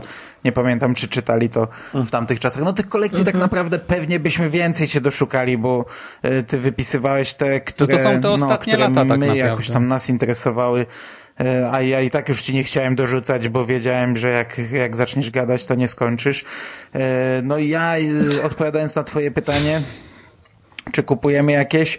E, W tej chwili staram się już nie kupować. Kupowałem Richera i trochę żałuję, bo leży... Ja mam coś takiego, że e, to nie tylko kolekcje e, książek, ale na przykład filmowe kolekcje, które kupowałem jakieś 10 lat temu. Bardzo dużo kupowałem filmowych kolekcji kioskowych. Większość leży gdzieś w worku w piwnicy, bo mnie, mnie, mnie te kolekcje wkurzają potem na półce. Mi się to nie podoba. Nie podobają mi się grzbiety, nie podoba mi się jak to jest wydawane. Richera akurat przeczytałem w całości, no i ja do tego nigdy nie wrócę. To zajmuje mi półkę Hubert, a niepotrzebnie. co cię... Przepraszam, No. a co cię skłoniło do tego, żeby kompletować kolekcje filmowe? Po prostu chęć posiadania danego filmu na nośniku, Wtedy tak, mia, jakieś miałem taki walory? okres, że dużo filmów kupowałem. E, Potem przestałem, ale to nie dlatego, że, że coś się u mnie zmieniło, tylko po prostu stwierdziłem, że bez sensu wydałem tyle kasy na DVD, gdzie teraz już e, jakość tego jest no koszmarna na, na, na dobrym telewizorze i, i za chwilę przerzucę się na inny nośnik, który za kolejne 10 lat znów jakość tego będzie koszmarna e, a też wtedy internet aż taki szale, szalenie dobry nie był, a wiesz, wychodził Przystanek Alaska, e, wychodziła Tak. Drużyna A, takie seriale, które lubiłem, więc z przyjemnością je oglądałem. Wychodził Świat według Bandich, obejrzałem całe na, DVD, tak jak wychodziło, e, no, Potem archiwum, no, archiwum, archiwum, archiwum kupowałem w tej kolekcji i do teraz mam to w tej kolekcji i, i to w sumie do tego wracam akurat dalej na DVD. Ale Ale to wiesz, możesz sobie powkładać ja wiem, te taki mam plan, od, od dawna mam taki plan, do wiem, od klaserów dawna mam taki plan. Ale książek, no, no widzisz, e, Reacher mi się nie podoba na półce, ja już myślę, gdzie to przełożyć, a w to miejsce sobie komiksy powstawiam. E, Myślałem, czy Kobena nie kupować, ale ja Kobena przyswajam w audio. E, Przeczytałem większość Kobenów, ale wszystkie przesłuchałem w audiobookach. I do tego nie wrócę raczej. Dzisiaj w pracy y, myślałem, czy nie wrócić do... y, zresztą to chyba jest pierwszy tom, nie mów nikomu. O, to nawet może bym to w, przesłuchał, by, by, bym się z recenzją wstrzelił, patrz, na start kolekcji, bo to jest fajna książka i ma fajny audiobook. Znaczy są trzy audiobooki, ale jeden jest fajny. I zacząłem czytać, słuchać dzisiaj w pracy i fajnie się słuchało, ale kurczę, ja dużo pamiętałem, chociaż akurat Coben to jest taki pisarz, co się zapomina dość szybko. Z tej książki dużo pamiętałem i wydaje mi się, że to, to są jednostrzałowce, ja do tego nie wrócę. Myślałem po- początkowo, jak, jak, jak mm, pojawiła się informacja, że będzie kolekcja o Cobenie, że będę kupował, ale chyba nie będę. Szczególnie, że nie podoba mi się ta kolekcja wizualnie, jak na nią patrzę. Fajna, fajna kolekcja, której żałuję, że nie kupowałem, to była mm, ta, która powiedzmy y, przed 12 laty zaczęła wyborcza wydawać. Zaczynała od imienia Róży Tak. i to były takie No to to jest ten oprawy. XX wiek, kolekcja Okej, Biblioteki Gazety on- Wyborczej. Ja mam. Możliwe. Nie, nie, widziałem tą listę, co mi podesłałeś, natomiast nie miałem czasu tego sprawdzić. Yy, I tam były naprawdę dobre książki. Chyba jeszcze później dziennik wydawał swoją, tylko już bez obwoluty, tylko twarda oprawa lakierowana. Mm, Tam z tego chyba kupiłem Władcy Much. I to była taka e, kolekcja, Władca którą... też był w wyborczej. Wyborczej też. Okej, ale wiem, że w dzienniku, bo mam z dziennika tą kolekcję. Yy, w każdym razie do czego zmierzam? Yy, to były takie książki, które yy, chciałbym mieć może na półce właśnie nie jak Cobena, czy Kinga już mam wszystkie, oprócz tylko Dolores Claiborne sobie kupiłem 12 tom, bo tą książkę komuś tam pożyczyłem i do mnie wróciła. Yy, ale tam to była chyba taka yy, literatura, po którą chętnie bym sięgnął. Z drugiej strony mm, to jest zawsze, jak sobie myślę, strasznie dużo miejsca zajmujące rzeczy. Yy, Ja, ja, ja tylko jedną kolekcję komiksową kupuję i to już mi się strasznie rozrosło. Yy, A jak mm, dużo tych, tych książek jest dostępne w, yy, w e-bookach i za niewielkie pieniądze, bo to są ta, te kolekcje XIX-wieczna, to w ogóle yy, chyba są rzeczy w, w domenie publicznej, prawda? O ile dobrze kojarzę. Tak, tak. Tak. I, Znaczy nie wiem, czy wszystko jest dostępne, ale ogólnie wszystko Aha. przeszło. Tak, i y, dochodzę do wniosku, że nie, że mimo, że fajnie, że takie coś wychodzi, to jednak ja jestem jednak bardzo mocnym zwolennikiem coraz bardziej elektronicznej dystrybucji. y, I Ja powoli książek, też, powoli y, też komiksy okej kupuję, ale książki powoli zaczynam się przestawiać. E, Tess Gerritsen planowałem kupować, bo czyta, czytałem kiedyś jedną książkę, pamiętam, że mi się podobała, ale też jest masa audiobooków. No i wszystko w e-bookach, więc e, stwierdziłem, że nie. E, Przy, przy tych kolekcjach jak Tess Gerritsen, jak Jack Reacher e, Lee Childa, plus jest taki, że oni piszą książki takie trochę pod linijkę. Wszystkie są tej samej wielkości, więc e, nie bawią się na dzielenie na tomy. E, I to, I to był plus, a na przykład wychodziła taka kolekcja, znaczy w większości kolekcji książki są dzielone na tomy, ale na przykład wychodziła taka kolekcja chyba od wydawnictwa literackiego, gdzie był Dukaj, Orbitowski i tam na, Tak. no, i tam na był lud chyba w trzech, czy no, przynajmniej w trzech tomach. Orbitowski też dzielony na tomy. E, Dla mnie nie, nie. W, w, naprawdę wolę te książki kupić już sobie chyba w, za normalne ceny. Szczególnie, że ja jestem zwolennikiem takiego indywidualnego podejścia do książek. Żeby książka miała swoje, swoje takie, wiesz, swoje wydanie, a nie była jedną z cegiełek czegoś. Na przykład ta kolekcja, co teraz wychodzi, polskiej fantastyki, też tego nie zamierzam kupować. Ym, ona ma bardzo ładne okładki, ale jak patrzę na grzbiet, to mnie odrzuca po prostu, odrzuca. No. Znaczy oni bardzo często właśnie stosują tego typu zabiegi, wprowadzając na okładce jakąś grafikę. Y, Jest to zabieg typowo właśnie marketingowy, który ma służyć temu, żeby twoja kolekcja była No kompletna. wiem, żeby psychopaci momencie, kupowali kiedy- wszystko, tak, nie? Tak, bo Żeby obrazek się zgadzał. nie? musisz właśnie, w momencie, kiedy brakuje ci na przykład jakiegoś tomu, to będzie to od razu widoczne u ciebie No na ale półce. dlatego ta kolekcja wyborczej była lepsza i dlatego na przykład kolekcja Kinga jest Tak. jedną z najładniejszych kolekcji, bo grzbiety ma fajne takie i, i widoczne, czytelne. Tam jest no, tylko numerek numerek, ale taki, jest nie? bardzo duży napis Tak. Stephen King, a nie taki drobiazg jak na przykład, nie wiem, na Richerze albo na tej kolekcji z wyborczej to też chyba tytuły to były takim, takim maczkiem napisane raczej, ale przynajmniej nie było tych grzbietów łączonych. Nie wiem, nie znoszę grzbietów łączonych. Kiedyś pamiętam, jak, nie, jak jeszcze te kolekcje nie były tak nagminnie, to lubiłem. Pamiętam, yy, naci naciskaliśmy na, na wydawnictwo Albatros swego czasu, żeby wypuścił Mroczną Wieżę z łączonym grzbietem. Jak tam jeszcze pracowała Renata Kuryłowicz, to nawet, nawet w pewnym momencie chciała to zrobić, ale spasowali. A teraz nie, ja nie, nie znoszę tego. Odnośnie kolekcji książkowych, odnośnie książkowych kolekcji kioskowych, to ja powiem wam, że y, o ile mm, takie rzeczy jak te, które wspominał Sik, czyli tam ta kolekcja Gazety Wyborczej, y, XX wiek albo XIX i tam nawet jakieś tomy związane z filozofią, które się kiedyś okazywały, no to to, to mam na półce. Y, Mamy też w domu, ale to z powodu tego, że moi rodzice uwielbiali czytać kryminały, no to mamy też skompletowaną taką brytyjską e, falę takich jednorazowych kryminałów, e, ja się śmieję, pociągowych, bo to są takie książki, które zabierzesz ze sobą do pociągu, bo są niewielkie i e, przeczytasz, jak zostawisz, to nic się nie stanie. Natomiast e, odnośnie innych książek, takich jak ten, e, ta, ta, ta kolekcja fantastyki, czy kolekcja na przykład Terego Pratchetta, to e, ja się bardzo często łapię na tym, że w momencie, kiedy w kioskach pojawia się jakaś e, fajna kolekcja, to ja część z tych publikacji mam już u siebie na No półce tak, tak, kupione tak. wcześniej. Tak. I to, troszeczkę się potem wkurzam, bo to e, e, e, robienie tego typu e, serii wydawniczych e, ma sprawiać, że będziemy się czuli wyjątkowo posiadając właśnie to w takim wydaniu. To ma wyglądać kozacko na półce, ma cieszyć oko, ma e, imponować tym, że udało nam się zebrać to w całości, e, ale tak umówmy się e, szczerze, powiedzmy sobie, e, ile książek z tej kolekcji jesteśmy w stanie przeczytać? Bo ich się pokazuje teraz naprawdę cała masa. Jest y, właściwie w kioskach można kupić y, i dla fanów kryminałów, i dla fanów literatury kobiecej, i jakieś tam powieści obyczajowe, i, i inne. Mm, Ale tak. Ja tak sobie też myślę, że y, wszystko, co służy propagowaniu literatury, jest rzeczą dobrą, ale z drugiej strony, z punktu widzenia y, księgarza, y, robi mi się czasami też smutno, że wydawnictwa właściwie y, podkładają trochę księgarzom kłody pod nogi, bo w momencie, kiedy e, w kiosku taka kolekcja e, jest niedroga, to klient przychodząc do księgarni i widząc cenę okładkową, no, nie będzie usat- usatysfakcjonowany i tej książki po prostu nie kupi. Mogę się tutaj wbić? Jeszcze proszę. jedno słówko ja powiem i, i już ci daję. Wiesz Ale co? do tego tematu?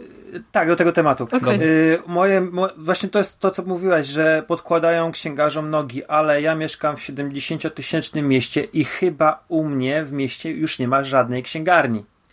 Przykro mi I to słyszeć. Możesz kupić, możesz kupić książki e, w hipermarkecie, bo na przykład w Carrefourze są jakieś tam małe, małe Mhm. stoisko jest i zostają ludzie skazani na mm, pojechanie, no to już jest, to jest tam 15 minut tramwajem, ale do Łodzi, mm, do Empiku mm, i tylko ewentualnie na kioski. Dziękuję. Szymas, oddaję Ci głos, bo to były pytania do Ciebie. Czy są ludzie w stanie przeczytać te wszystkie książki z tych kolekcji? Znaczy to za chwilę, ale tylko jeszcze kontynuując wątek podkładania świni księgarzom, y, to na przykład kolekcja Jonesbu mnie bardzo zdziwiła, bo tam też Tak. większość tych książek jest dzielona. One wcale nie są jakoś super grube. Szymon, tam, E, porównaniu- tam jeszcze była, przepraszam, tam jeszcze była taka kolekcja wydawana chyba pod patronatem Czarnej Owcy, tam ta czarna seria. To to jest druga rzecz, o Tak. której chcę powiedzieć, To ale sekunda, były- najpierw okej, Jonesbu. mhm, to, to też było Jonesbo nie kupiłem, bo mam go w całości, nie? Po prostu te wydania zwyczajne, ale okazało się, że jak podliczyłem sobie, bo te książki wydają się tanie, bo to na ogół jest w prenumeracie około 13 zł za tom. No to, to nie jest dużo za książkę, nie? Zwłaszcza, że y, krąży ta legenda, że książka to tam 30, 40, 50 zł. Ale właśnie Jonesbo wychodził drożej w kolekcji niż normalnie y, z wyda wydania zwyczajne ostatecznie, Ale co to mnie często bardzo tak jest, przez te rozdzielone. A znowu Czarna Seria też było ciekawe, bo akurat tej kolekcji nie kupowałem, ale gdy potem kupiłem naraz całą Czarną Serię o Czarnej Owcy, jakieś 100 kilogramów książek, O nie. To okazało się, że właśnie oni to wyprzedawali y, za grosze. Ja to kupiłem bezpośrednio od wydawcy i zapytałem ich, czy gdybym robił zakupy na tyle i tyle książek, to czy mogliby mi jakiś rabat zaoferować. A oni, a podpowiedź dostałem coś na zasadzie, y, panie Szymonie, ale my teraz dajemy chyba 50% na pierwsze zamówienie. No, no więcej nie możemy. I tak patrzę, o, no nie wiedziałem, tak? No i sprawdziłem i naprawdę y, część książek była przeceniona już na stronie wydawcy na minus 60, minus 70, minus 80, nawet minus 90%.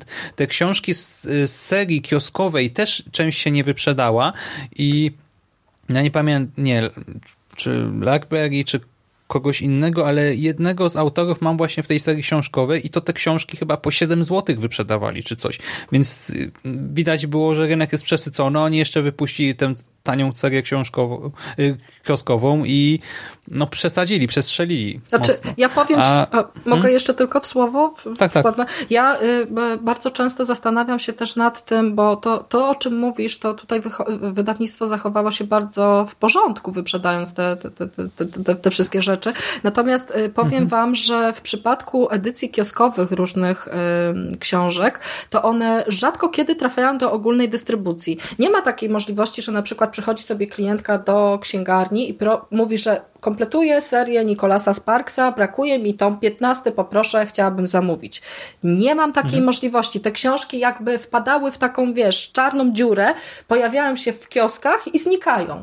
Nie wiem, co się z tym dzieje. My byśmy bardzo chętnie, mm, jako księgarze, coś takiego mogli zaoferować, no bo y, pewnie byłby to jakiś towar właśnie y, w, w, w, na promocji i wtedy moglibyśmy klientom też zagwarantować niższą cenę. Ale to też chyba jakoś inaczej VAT jest wtedy liczony, czy coś, to, czy nie, ja się nie znam aż tak, ale jak to jest dodatek w kiosku, to pewnie to musi być tylko dodatek w kiosku. Ale książka, książka, na przykład kolekcja Kinga jest tylko książka. Yy, nie ma żadnej gazetki ani nic takiego. Tak. Prawda? I jest sprzedawana jako książka. Zaraz poczekaj, ja tutaj mam mm, 5% VAT-u. Tak, czyli to tak jak standardowa książka kupowana przez y, księgarnię z hurtowni też jest objęta 5% VAT-em. Ale a propos tej czarnej dziury, wiesz co? Yy, chciałem, bo ja nie kupuję wielkiej kolekcji komiksów Marvela i chciałem zamówić tom, który zobaczyłem, że po prostu jest. On już wyszedł z kiosków. To były mm, te opowieści yy, mitologii yy, skandynawskich, nordyckich z Torem. I ja zamówiłem sobie to. Gościu powiedział mi w kiosku, że on to zamówi ze zwrotów i zadzwoni do mnie, to będzie trwało. I czekałem na ten komiks, który mm, już zszedł z, z powiedzmy po tygodniu, już nie, nie było go. Czekałem chyba miesiąc albo półtora. Dostałeś go? No ale z komiksami chyba Tak, jest inaczej, go, bo ale komiksy z tych Tak, kolekcji są dostępne tak. w sklepach komiksowych. Przecież Burial zawsze chodzi do stacjonarnego sklepu komiksowego i je kupuje tam. Przy czym wydaje mi się, że to jest na tej zasadzie robione, Ale- że po prostu właściciel sklepu zamawia e, jakoś... W Gildii i w Empiku No. też są. No. Ale, ale pytanie, czy jeżeli one są na prasie, bo to jest tak, że no przecież w kiosku nie masz, y, nie możesz kupić tygodnika sprzed tygodnia, bo on wraca, tak? Więc yy, podejrzewam, że akurat ja kupowałem w kiosku, gdzie mm, on zwrócił ewentualnie y, te komiksy i to rzeczywiście jest jakaś dłuższa droga, żeby te zwroty mogły trafić z powrotem do sprzedaży, y, czy do tanich książek, bo są oczywiście, czy tam przecież są takie, takie nie wiem czy są, bo teraz już nawet y, nie interesujesz tym, ale kiedyś były takie mm, sklepy, gdzie można było kupić miesięczniki stare. No, ale z komiksami to też na konwentach, na przykład jak są sklepy komiksowe, niektóre to mają do zaoferowania stare tomy e, wielkiej kolekcji komiksów Marvela, więc nie wiem jak to działa. Na ogół dość drogo. No ja akurat komiksy, Dobra. kolekcje komiksowe ku, kupowałem, ale o tym już dużo mówiliśmy, ale pewnie Szymas teraz tu zrobi długie wprowadzenie, jakie kolekcje mamy dostępne. Mm, ale jeszcze do książek chwilę, e, bo ja e, tak, a propos tego, co kupuję, no to już powiem wam, że właśnie Nesbo nie kupiłem, bo już mam. E, tę nową falę polskiego kryminału odpuściłem, bo mam ją w normalnych wydaniach. Mm. E, tak samo mistrz, nie, nie mistrzów polskiej fantastyki, tylko tę właśnie kolekcję literackiego, te światy równoległe, no bo Dukaja, Orbita, to wszystko też mam. E, czarną serię sobie kupiłem po prostu tradycyjnie. Kinga mam całego poza Sztormem Stulecia, chociaż bardzo mnie korciło i wydaje mi się, że on się chyba też najlepiej jednak nie sprzedaje, przynajmniej nie tak dobrze jak przewidywano, bo jak wczoraj zrobiłem zamówienie na Kobena całego od razu, to widziałem, że cena Kinga trochę spadła tej całej kolekcji, a w ogóle na początku dostałem maila e, od właśnie Literi, od Axel e, Springer, że do któregoś tam numeru jak nie zamówię, no to, że nie dostanę audiobooka, tych innych prezentów, a teraz cały czas to jest dostępne. Już ile minęło? Bardzo dużo czasu, nie? Ale wiesz, King Więc... miał bardzo dużo wznowień w Polsce i to jest myślę problem no, też jest taki... nasycony rynek. Tak, nasycony rynek. No może dlatego, w każdym razie mówię, mhm. że zobaczyłem to, nie? Ale tak, kupiłem sobie Jacka Richera i w sumie tylko przez Mando, bo mi się spodobały jego recenzje, nawet nie otworzyłem tych książek. Serio, w sumie się zastanawiam, po co? Gdyby nie jego podcasty, to bym na to nawet nie spojrzał pewnie. Kupiłem sobie Gerritsen, a to dlatego, że kiedyś czytałem ale to niedużo też, bo chyba dwie książki Kuka i dwie książki Garrison i bardzo mi się podobały i pomyślałem sobie, że w sumie to fajnie by było do tego przysiąść, ale to miało mniejszy priorytet. Po prostu była całość do wzięcia za też nieduże pieniądze, zgarnąłem. Kupiłem sobie Grishama oczywiście, ale Grishama zawsze chciałem przeczytać bo znam tylko też pojedyncze tytuły i yy, nawet miałem plan, żeby to właśnie czytać regularnie. No i co przeczytałem? Dwa tomy i tyle, a już nie wiem ile wyszło, bardzo dużo wyszło.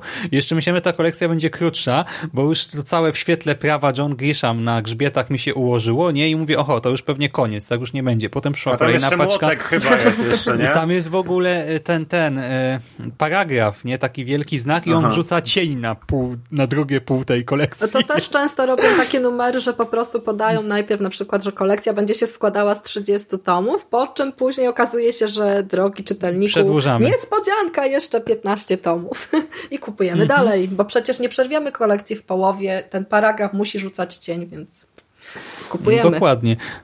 Kobena kupiłem wczoraj dosłownie, ale Kobena ja też zawsze chciałem mieć całego. Ja wiem, że to są jednostrzałowce i że przeczytam raz i to pewnie też nie całość. Znowu skończę na trzecim, czwartym tomie, znając mnie. Ale są fajne. Ale te, te, chciałem to Przynajmniej mieć. te jego osobne powieści. Ja bardzo lubię te jego osobne powieści, bo serii z Myronem Bolitarem ja nie czytałem. Przeczytałem jeden tom, a ja właśnie lubię Majrona, ale tych osobnych powieści to tak jakbym jedną przeczytał i czytałem No bo to trochę resztę. tak jest.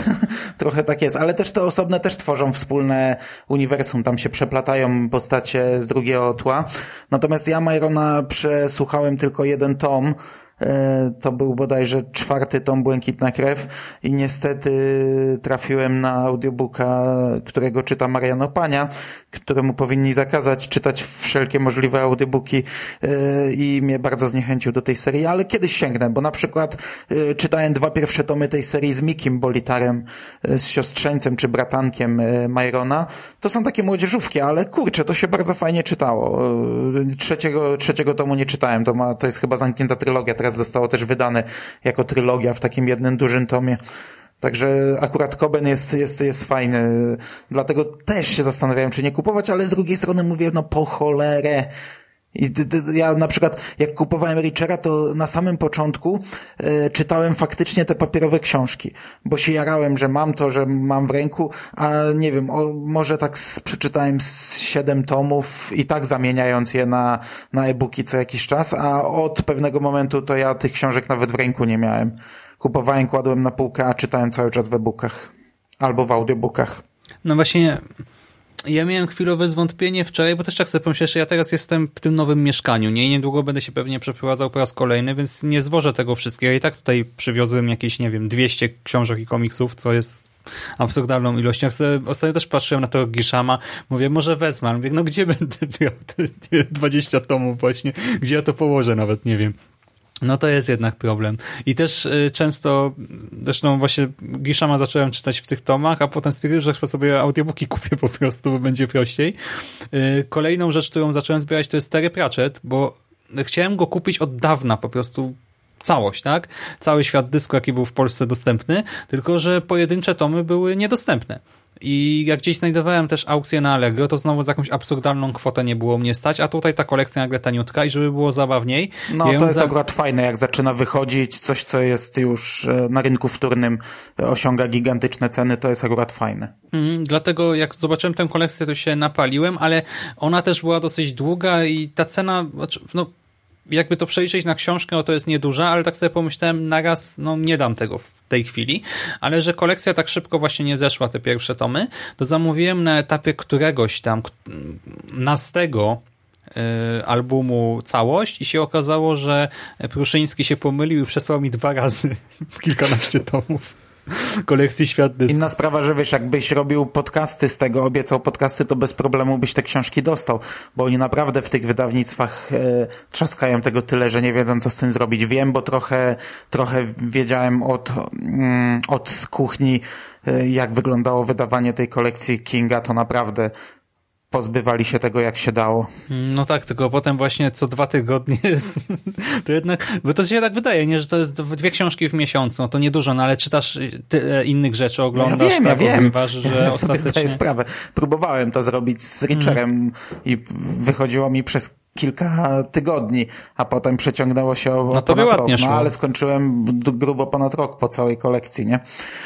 E, ale na przykład, hmm. gdyby ktoś e, wydał teraz kolekcję Gwiezdnych Wojen, starego kanonu książkowego, to ja bym kupował, łyknąłbym, chociaż to 150 książek mniej więcej było, z czego pewnie ze 100 mam, ale łykałbym bo to jest niedostępne nigdzie.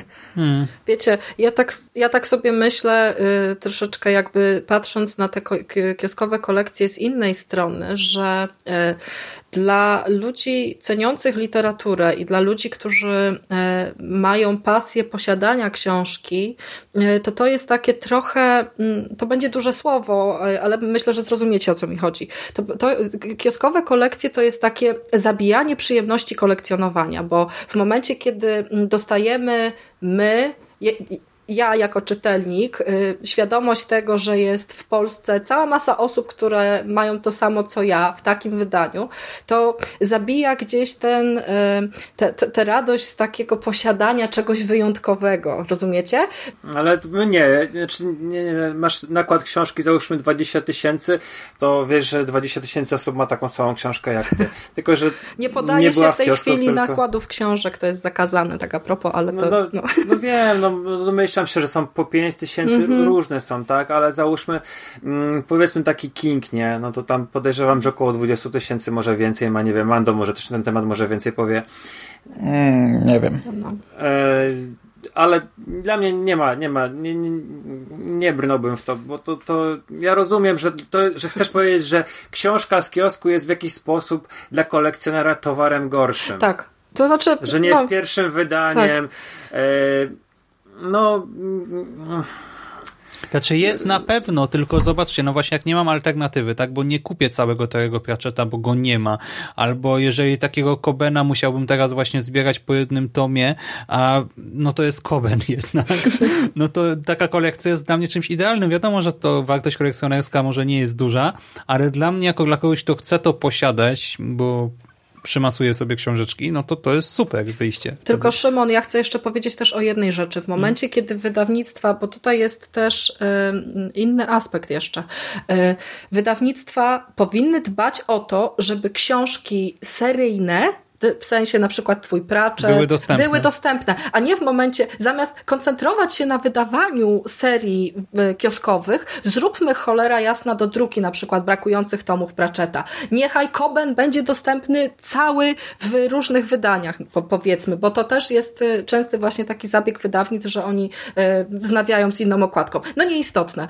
Tu ja też to, to, to mnie zawsze od, od momentu, kiedy zaczęłam pracować w księgarni, to mnie zawsze bardzo zastanawiało, jak to jest możliwe, że wydawnictwa sprzedają prawa do książek, y, do, właśnie do jakichś tam mniejszych y, dystrybutorów, którzy będą to rozprowadzać w kioskach ruchu, zamiast zadbać o to, żeby ta publikacja, której klient szuka, była dostępna w księgarni. Wtedy zarobiliby więcej teoretycznie, y, klient byłby zadowolony. Nie wiem o co tu chodzi. Nie rozgryzłam tego jeszcze. Wiem, że zaraz będziecie mówić, że tutaj te kioskowe kolekcje to, to jest też... Mi się wydaje, że to jest w ogóle do innego wyjście. targetu. No, mhm. fani mają już dużo książek danego pisarza i nie, nie, nie, raczej pewnie nie sięgają po kolekcję. Mi się wydaje, że to jest do innego targetu zupełnie, do, do innych ludzi skierowane. Chociaż może niekoniecznie, no, no taki Szymas jest, jest fanem książek, kupuje książki, a kolekcję też kupuje, nie? Ale taki Pratchett na przykład był wydany w całości w tej kolekcji w twardej oprawie i okładki były identyczne y, z tymi z podstawowych wydań. Tylko wiesz, podstawowe e... wydania były w oprawie broszurowej. W momencie, kiedy będziesz sobie kolekcję uzupełniał wydaniami z kiosku, to już będzie się gryzło, nie? No ale to tylko takie. Ale no, no, no tak, no ale wiesz, no żaden, że to jest chyba naprawdę, Pratchett jest chyba wyjątkiem, że ten Pruszyński bardzo utrzymał tą serię w jednej stylistyce, mhm. bo generalnie Ale w ogóle, ma... Siku, bo ja to chyba kupiłem nawet ze sklepu Pruszyńskiego, to nie jest właśnie z jakiegoś tak, zewnętrznego, Pruszy... tylko tak, bezpośrednio tak, tak. od nich wszystko. Zresztą mm, na, na tej kolekcji yy, Stephena Kinga, to ja, dobrze kojarzę, jest napisane wydawcy wydawnictwo Albatros i Pruszyński. Tylko I jeszcze tam jakiś trzeci wiem, wydawca jest... E, właśnie serii kioskowych, ale tak, to Pewnie dwa wydawnictwa się, mhm. się, się dogadały.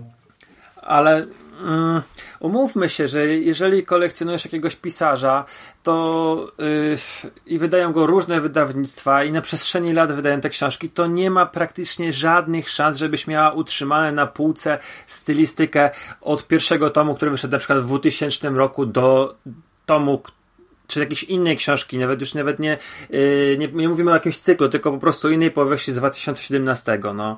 Czy Ale nawet jest... nie stylistyka, po prostu zebrać całość, nie w przypadku takiego Kinga, to też nie jest aż takie proste.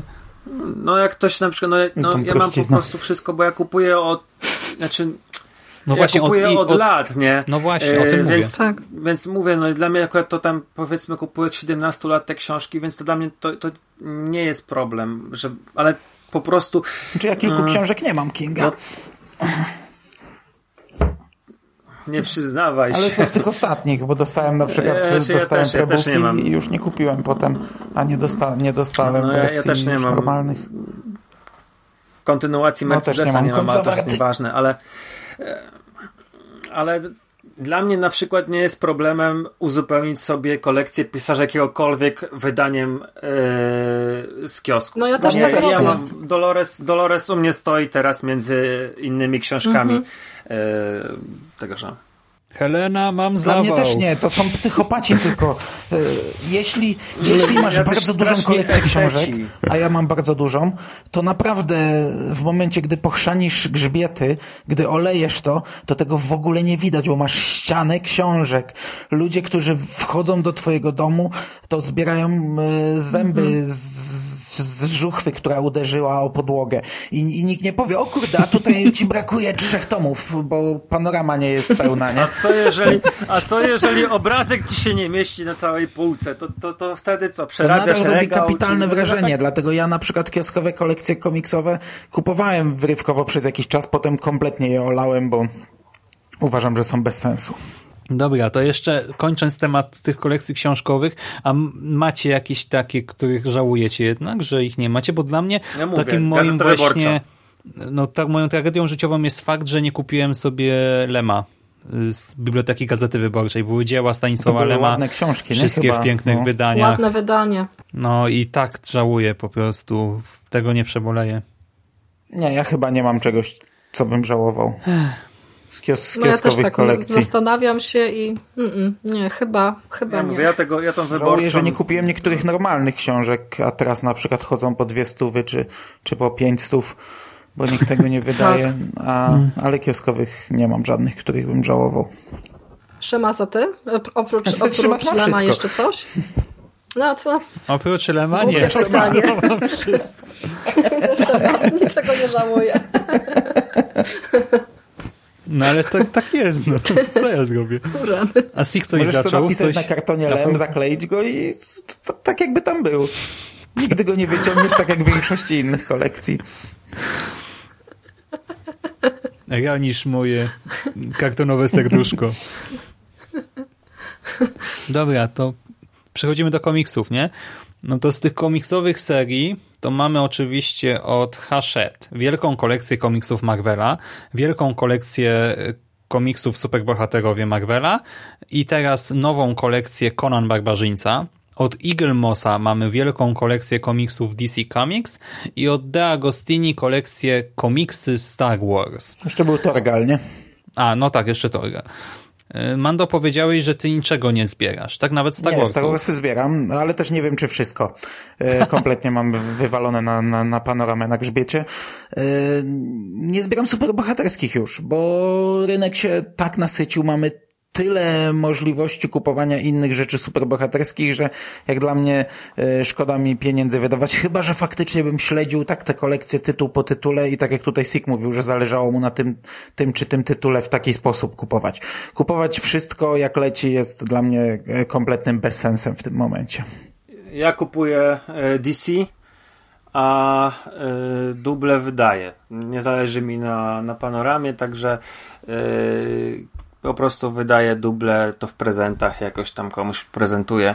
E, dlatego, że mm, jest to dla mnie wygodne. A ja jeszcze wytłumaczę dlaczego bez sensu, bo w przypadku kolekcji książkowych to masz właśnie skupione na całości.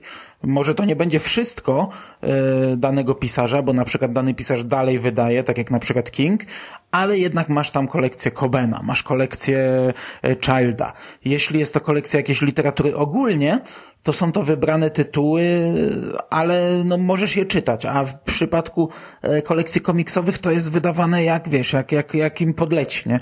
Tutaj pierwszy tom czegoś, tutaj piąty tom czegoś, tutaj w ogóle coś innego, tutaj jakiś klasyczny tom, tutaj jakiś taki, tak to, to, to dla mnie bez sensu, nie? A to mów, Hubert, to mówiłby, mówisz, że lepiej byłoby na przykład, gdyby e, w kioskach były dostępne kolekcje, powiedzmy, e, wszystkie komiksy z Batmanem. To, to byłoby No, lepsze rozwiązanie Batmana, niż takie rozdrapywanie się. rzecz, albo jakieś w ogóle jakieś rany dany, danych autorów, nie? Pełne. No, to, no tak mamy w Gwiezdnych Wojnach, nie? Masz kolekcję Gwiezdnych Wojen i całe serie. Nie, nie jakieś tam fragmenty wyrwane, tylko masz pełne serie zamknięte. To też nie będą wszystkie komiksy, jakie były wydane, ale przynajmniej Wiadomo. jak zaczniesz serię, to ją skończysz, nie? Aha, czyli to wszystko, co jest w tej kolekcji Star Wars, to, to będą Tak. zamknięte opowieści, jak od początku do końca, tak jak są podzielone na te właśnie Republic będzie jakoś, taka seria długa Republic będzie jakoś dziwnie wydana od 40 któregoś zeszytu, ale to ja nie wiem dlaczego. Wcześniej po prostu nie wiem dlaczego tak będzie. I Conan jest tak wydawany, że No masz wszystko też, no. od tych pierwszych numerów Savage Tales Tak też był Torgal, e, przez komiksy przez, przez komiksy Marvela. Nie wiem, czy przejdą przez e, Run Dark Horse, ale, ale wiem, że mają być e, te Marvelowskie.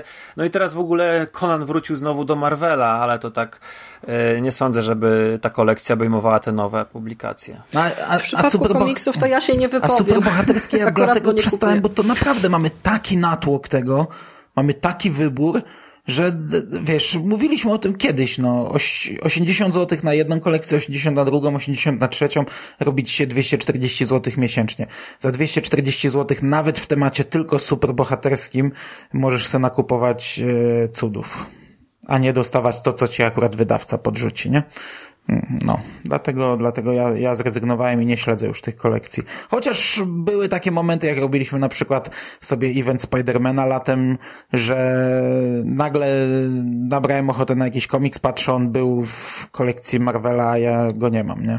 No nie, niektóre w tych kolekcjach komiksy y, są standalone i możesz sobie, tak jak ja, celować w niektóre mm, kolekcje, czy komiksy z kolekcji Marvela. Ja akurat kupuję DC.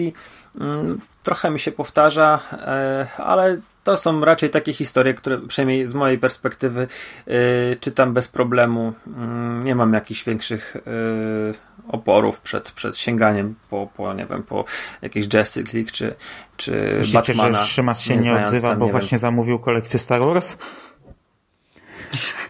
E, powoli, do tego przejdziemy. A Konana w końcu Sig będziesz czytał? Będziesz zamawiał? Nie, nie, nie. Czyli mam pierwszy tom, bo był tani i wziąłem sobie zobaczyć, co to jest. Jest fajny, powiększony format.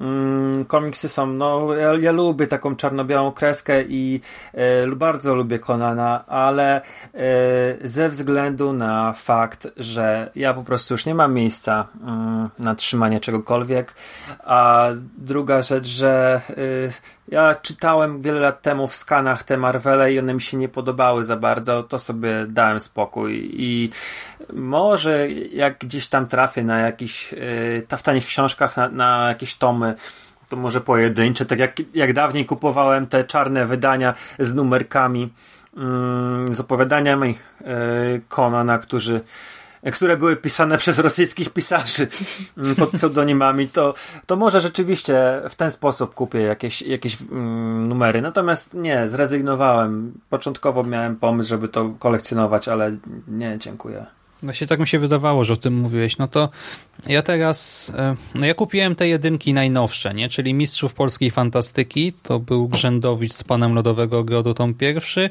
Konana Barbarzyńce, Czerwone Ćwieki i te Star Wars Legendy, klasyczne opowieści numer Ale to jest jeden. akurat fajne, że to jest akurat fajne, że jedynki są takie tanie. E, ja też Konana kupiłem, tylko jedynkę, nie zamierzam kupować dalej, ale wiesz, no zadychę taki komiks, tak wydany, tak, tak, tak, taki duży, taki gruby, taki fajny, żal nie kupić. To jest akurat dobre. Mhm. No ja właśnie stwierdziłem, e, czy Grzędowicza mam i to zresztą właśnie z tą samą okładką i z trochę inną e, oprawą i minimalnie innym grzbietem, ale ogólnie to jest to samo, tak? Od fabryki słów. Y, ta kolekcja Mistrzowie Polskiej Fantastyki, właśnie kończąc temat książek z mojej strony, ona jest tak bezsensowna. Ten grzbiet jest tak brzydki, tam są po prostu grafiki z różnych okładek nałożone na siebie, ale tak na, no na pałę za przeproszeniem, jakby ktoś to w pęcie robił. Myślę, że Mando by to zrobił lepiej w 5 minut. Y, brzydko to strasznie wygląda. Do tego jeszcze nazwanie tego Mistrzowie Polskiej Fantastyki, śmiech na sali, te opisy, te wielkie hasła. Ale kupiłem Pana Lodowego Ogrodu, bo to też chyba tam 9 zł kosztowało dzieciakom na świetlicę dam i te komiksy stwierdziłem, że też mogę im po prostu tam zanieść, niech się cieszą yy, i sobie czytają. Te komiksy Star Wars, yy, powiem wam, że zacząłem, jeszcze nie skończyłem. Nawet mnie to zainteresowało i to było trochę dla mnie przerażające, ale ten brak dodatków mnie rozczarował, że tutaj nie ma absolutnie niczego na końcu, ani żadnego komentarza, ani okładek, ani nic. Kiepsko, tak? Trochę bieda. Ale jest 11 zeszytów. Gruby komiks. No, no ale i tak, no kolekcje, tak, dodatki, chcę coś dostać jeszcze. E, a ten Conan, mm, on ma dużo dodatków znowu, tak w przeciwieństwie do Star Wars i w ogóle do tych innych kolekcji, ale ma moim zdaniem jednak trochę zawyżoną cenę, bo ten pierwszy tom to właśnie, ile kosztował? 15 zł chyba? Nie no, dyszkę pierwszy. A to może i nawet tak, ale kolejne już mają kosztować normalnie 40, a to jednak jest czarno-biały komiks, y, więc nie rozumiem, zwłaszcza, że w pronumeracie też nie ma żadnej zniżki, więc cena będzie wyższa od superbohaterów Marvela, od Star Warsów, a ten duży format, on robi wrażenie, tak na pierwszy rzut oka, ale jak ja sobie ten komiks czytałem, to jakość niektórych kadrów już niekoniecznie, w ogóle pierwszy, drugi chyba czwarty komiks są średnio czytelne momentami. E, do tego, w sensie, no to jest niewyraźne, tak jakoś przy skalowaniu chyba coś siadło. E, pierwsza opowieść rozgrywa się na śniegu, tak, w takiej śnieżnej krainie i no sorry, ale ja tutaj w ogóle nie czułem śniegu zimna, nie widziałem ani lodowych olbrzymów, ani niczego, no po prostu widzę białą planszę, tak? To jest narysowane, no ja wiem, że to jest też pierwszy numer, ale to pierwsze wrażenie było takie sobie. Jeszcze gdyby to miało, kosztowało, nie wiem, 30 zł czy coś, a format byłby normalny, to pewnie bym się skusił przynajmniej na, wiem, na te pierwsze trzy tomy i potem zobaczył co dalej, ale teraz tak, nie wiem, też jestem trochę sceptycznie nastawiony. I właśnie jest przesyt, no bo jednak wydawać 80 zł na czarno-białego kona na co miesiąc, już mi żal trochę, a wiecie, że DC jeszcze podrożało niby. Jeszcze nie przyszła do mnie tak, nowa paczka. podrożało. Mhm. I dostałeś już z tą nową ceną? Znaczy ja, kup, ja mam teczkę założoną w kiosku, ja tradycyjnie kupuję, nie, nie mam prenumeraty. Mhm.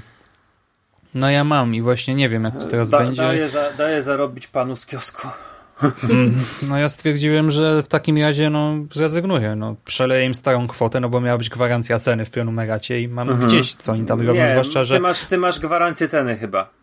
No tak, ale niby na fanpage'u pisali chyba, że po prostu jest tak podwyżona cena i tyle. Nie ma jeszcze szczegółów, zobaczymy. No na razie to tak średnio. I tak mi już jest żala, co dopiero niby to są dwa złote, ale właśnie przy takim nasyceniu rynku no me kiepsko.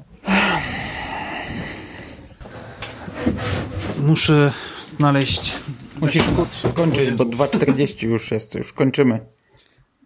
Właśnie. Mhm.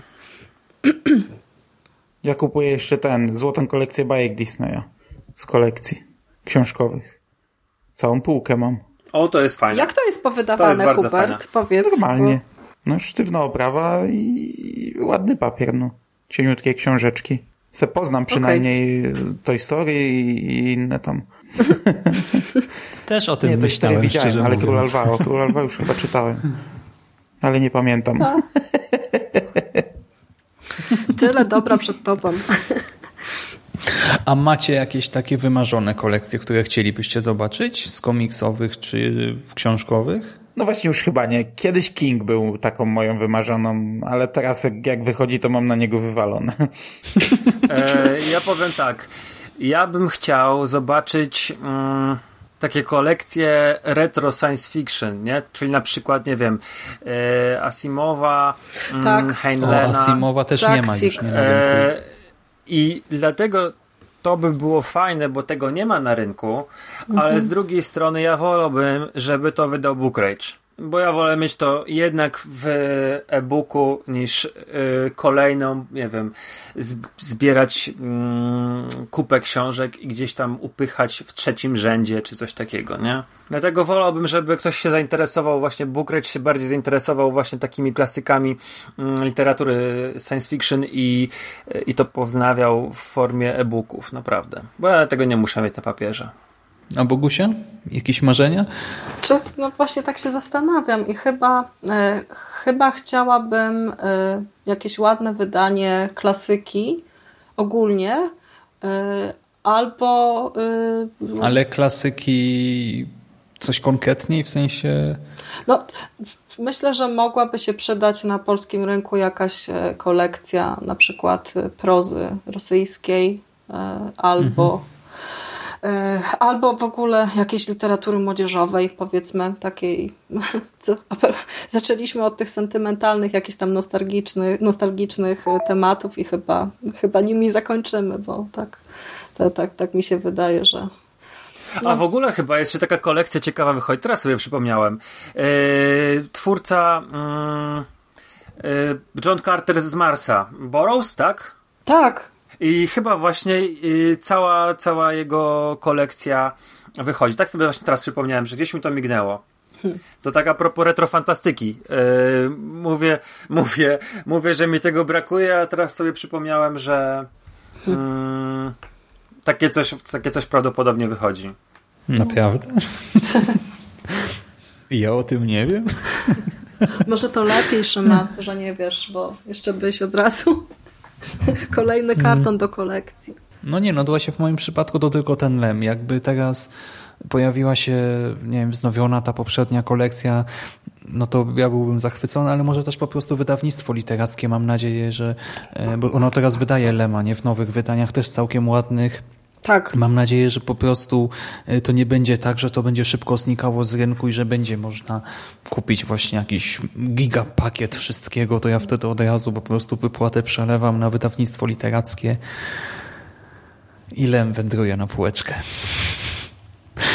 Mm, kolekcja, kolekcja Galaktyka Gutenberga, ale to jest w data wydania luty 2015. To ja coś, coś popierdzieliłem.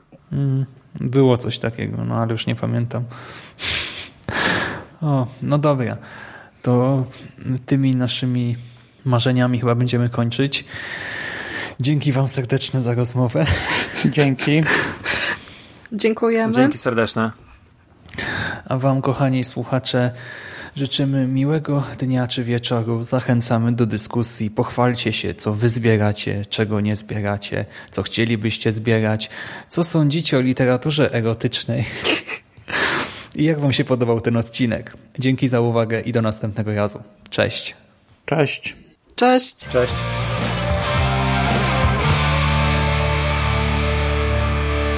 You finished? That's it, man. Game over, man. It's game over. What the fuck are we gonna do now? Now? What are we gonna do? It's over. Nothing is over! Nothing! You just don't turn it off!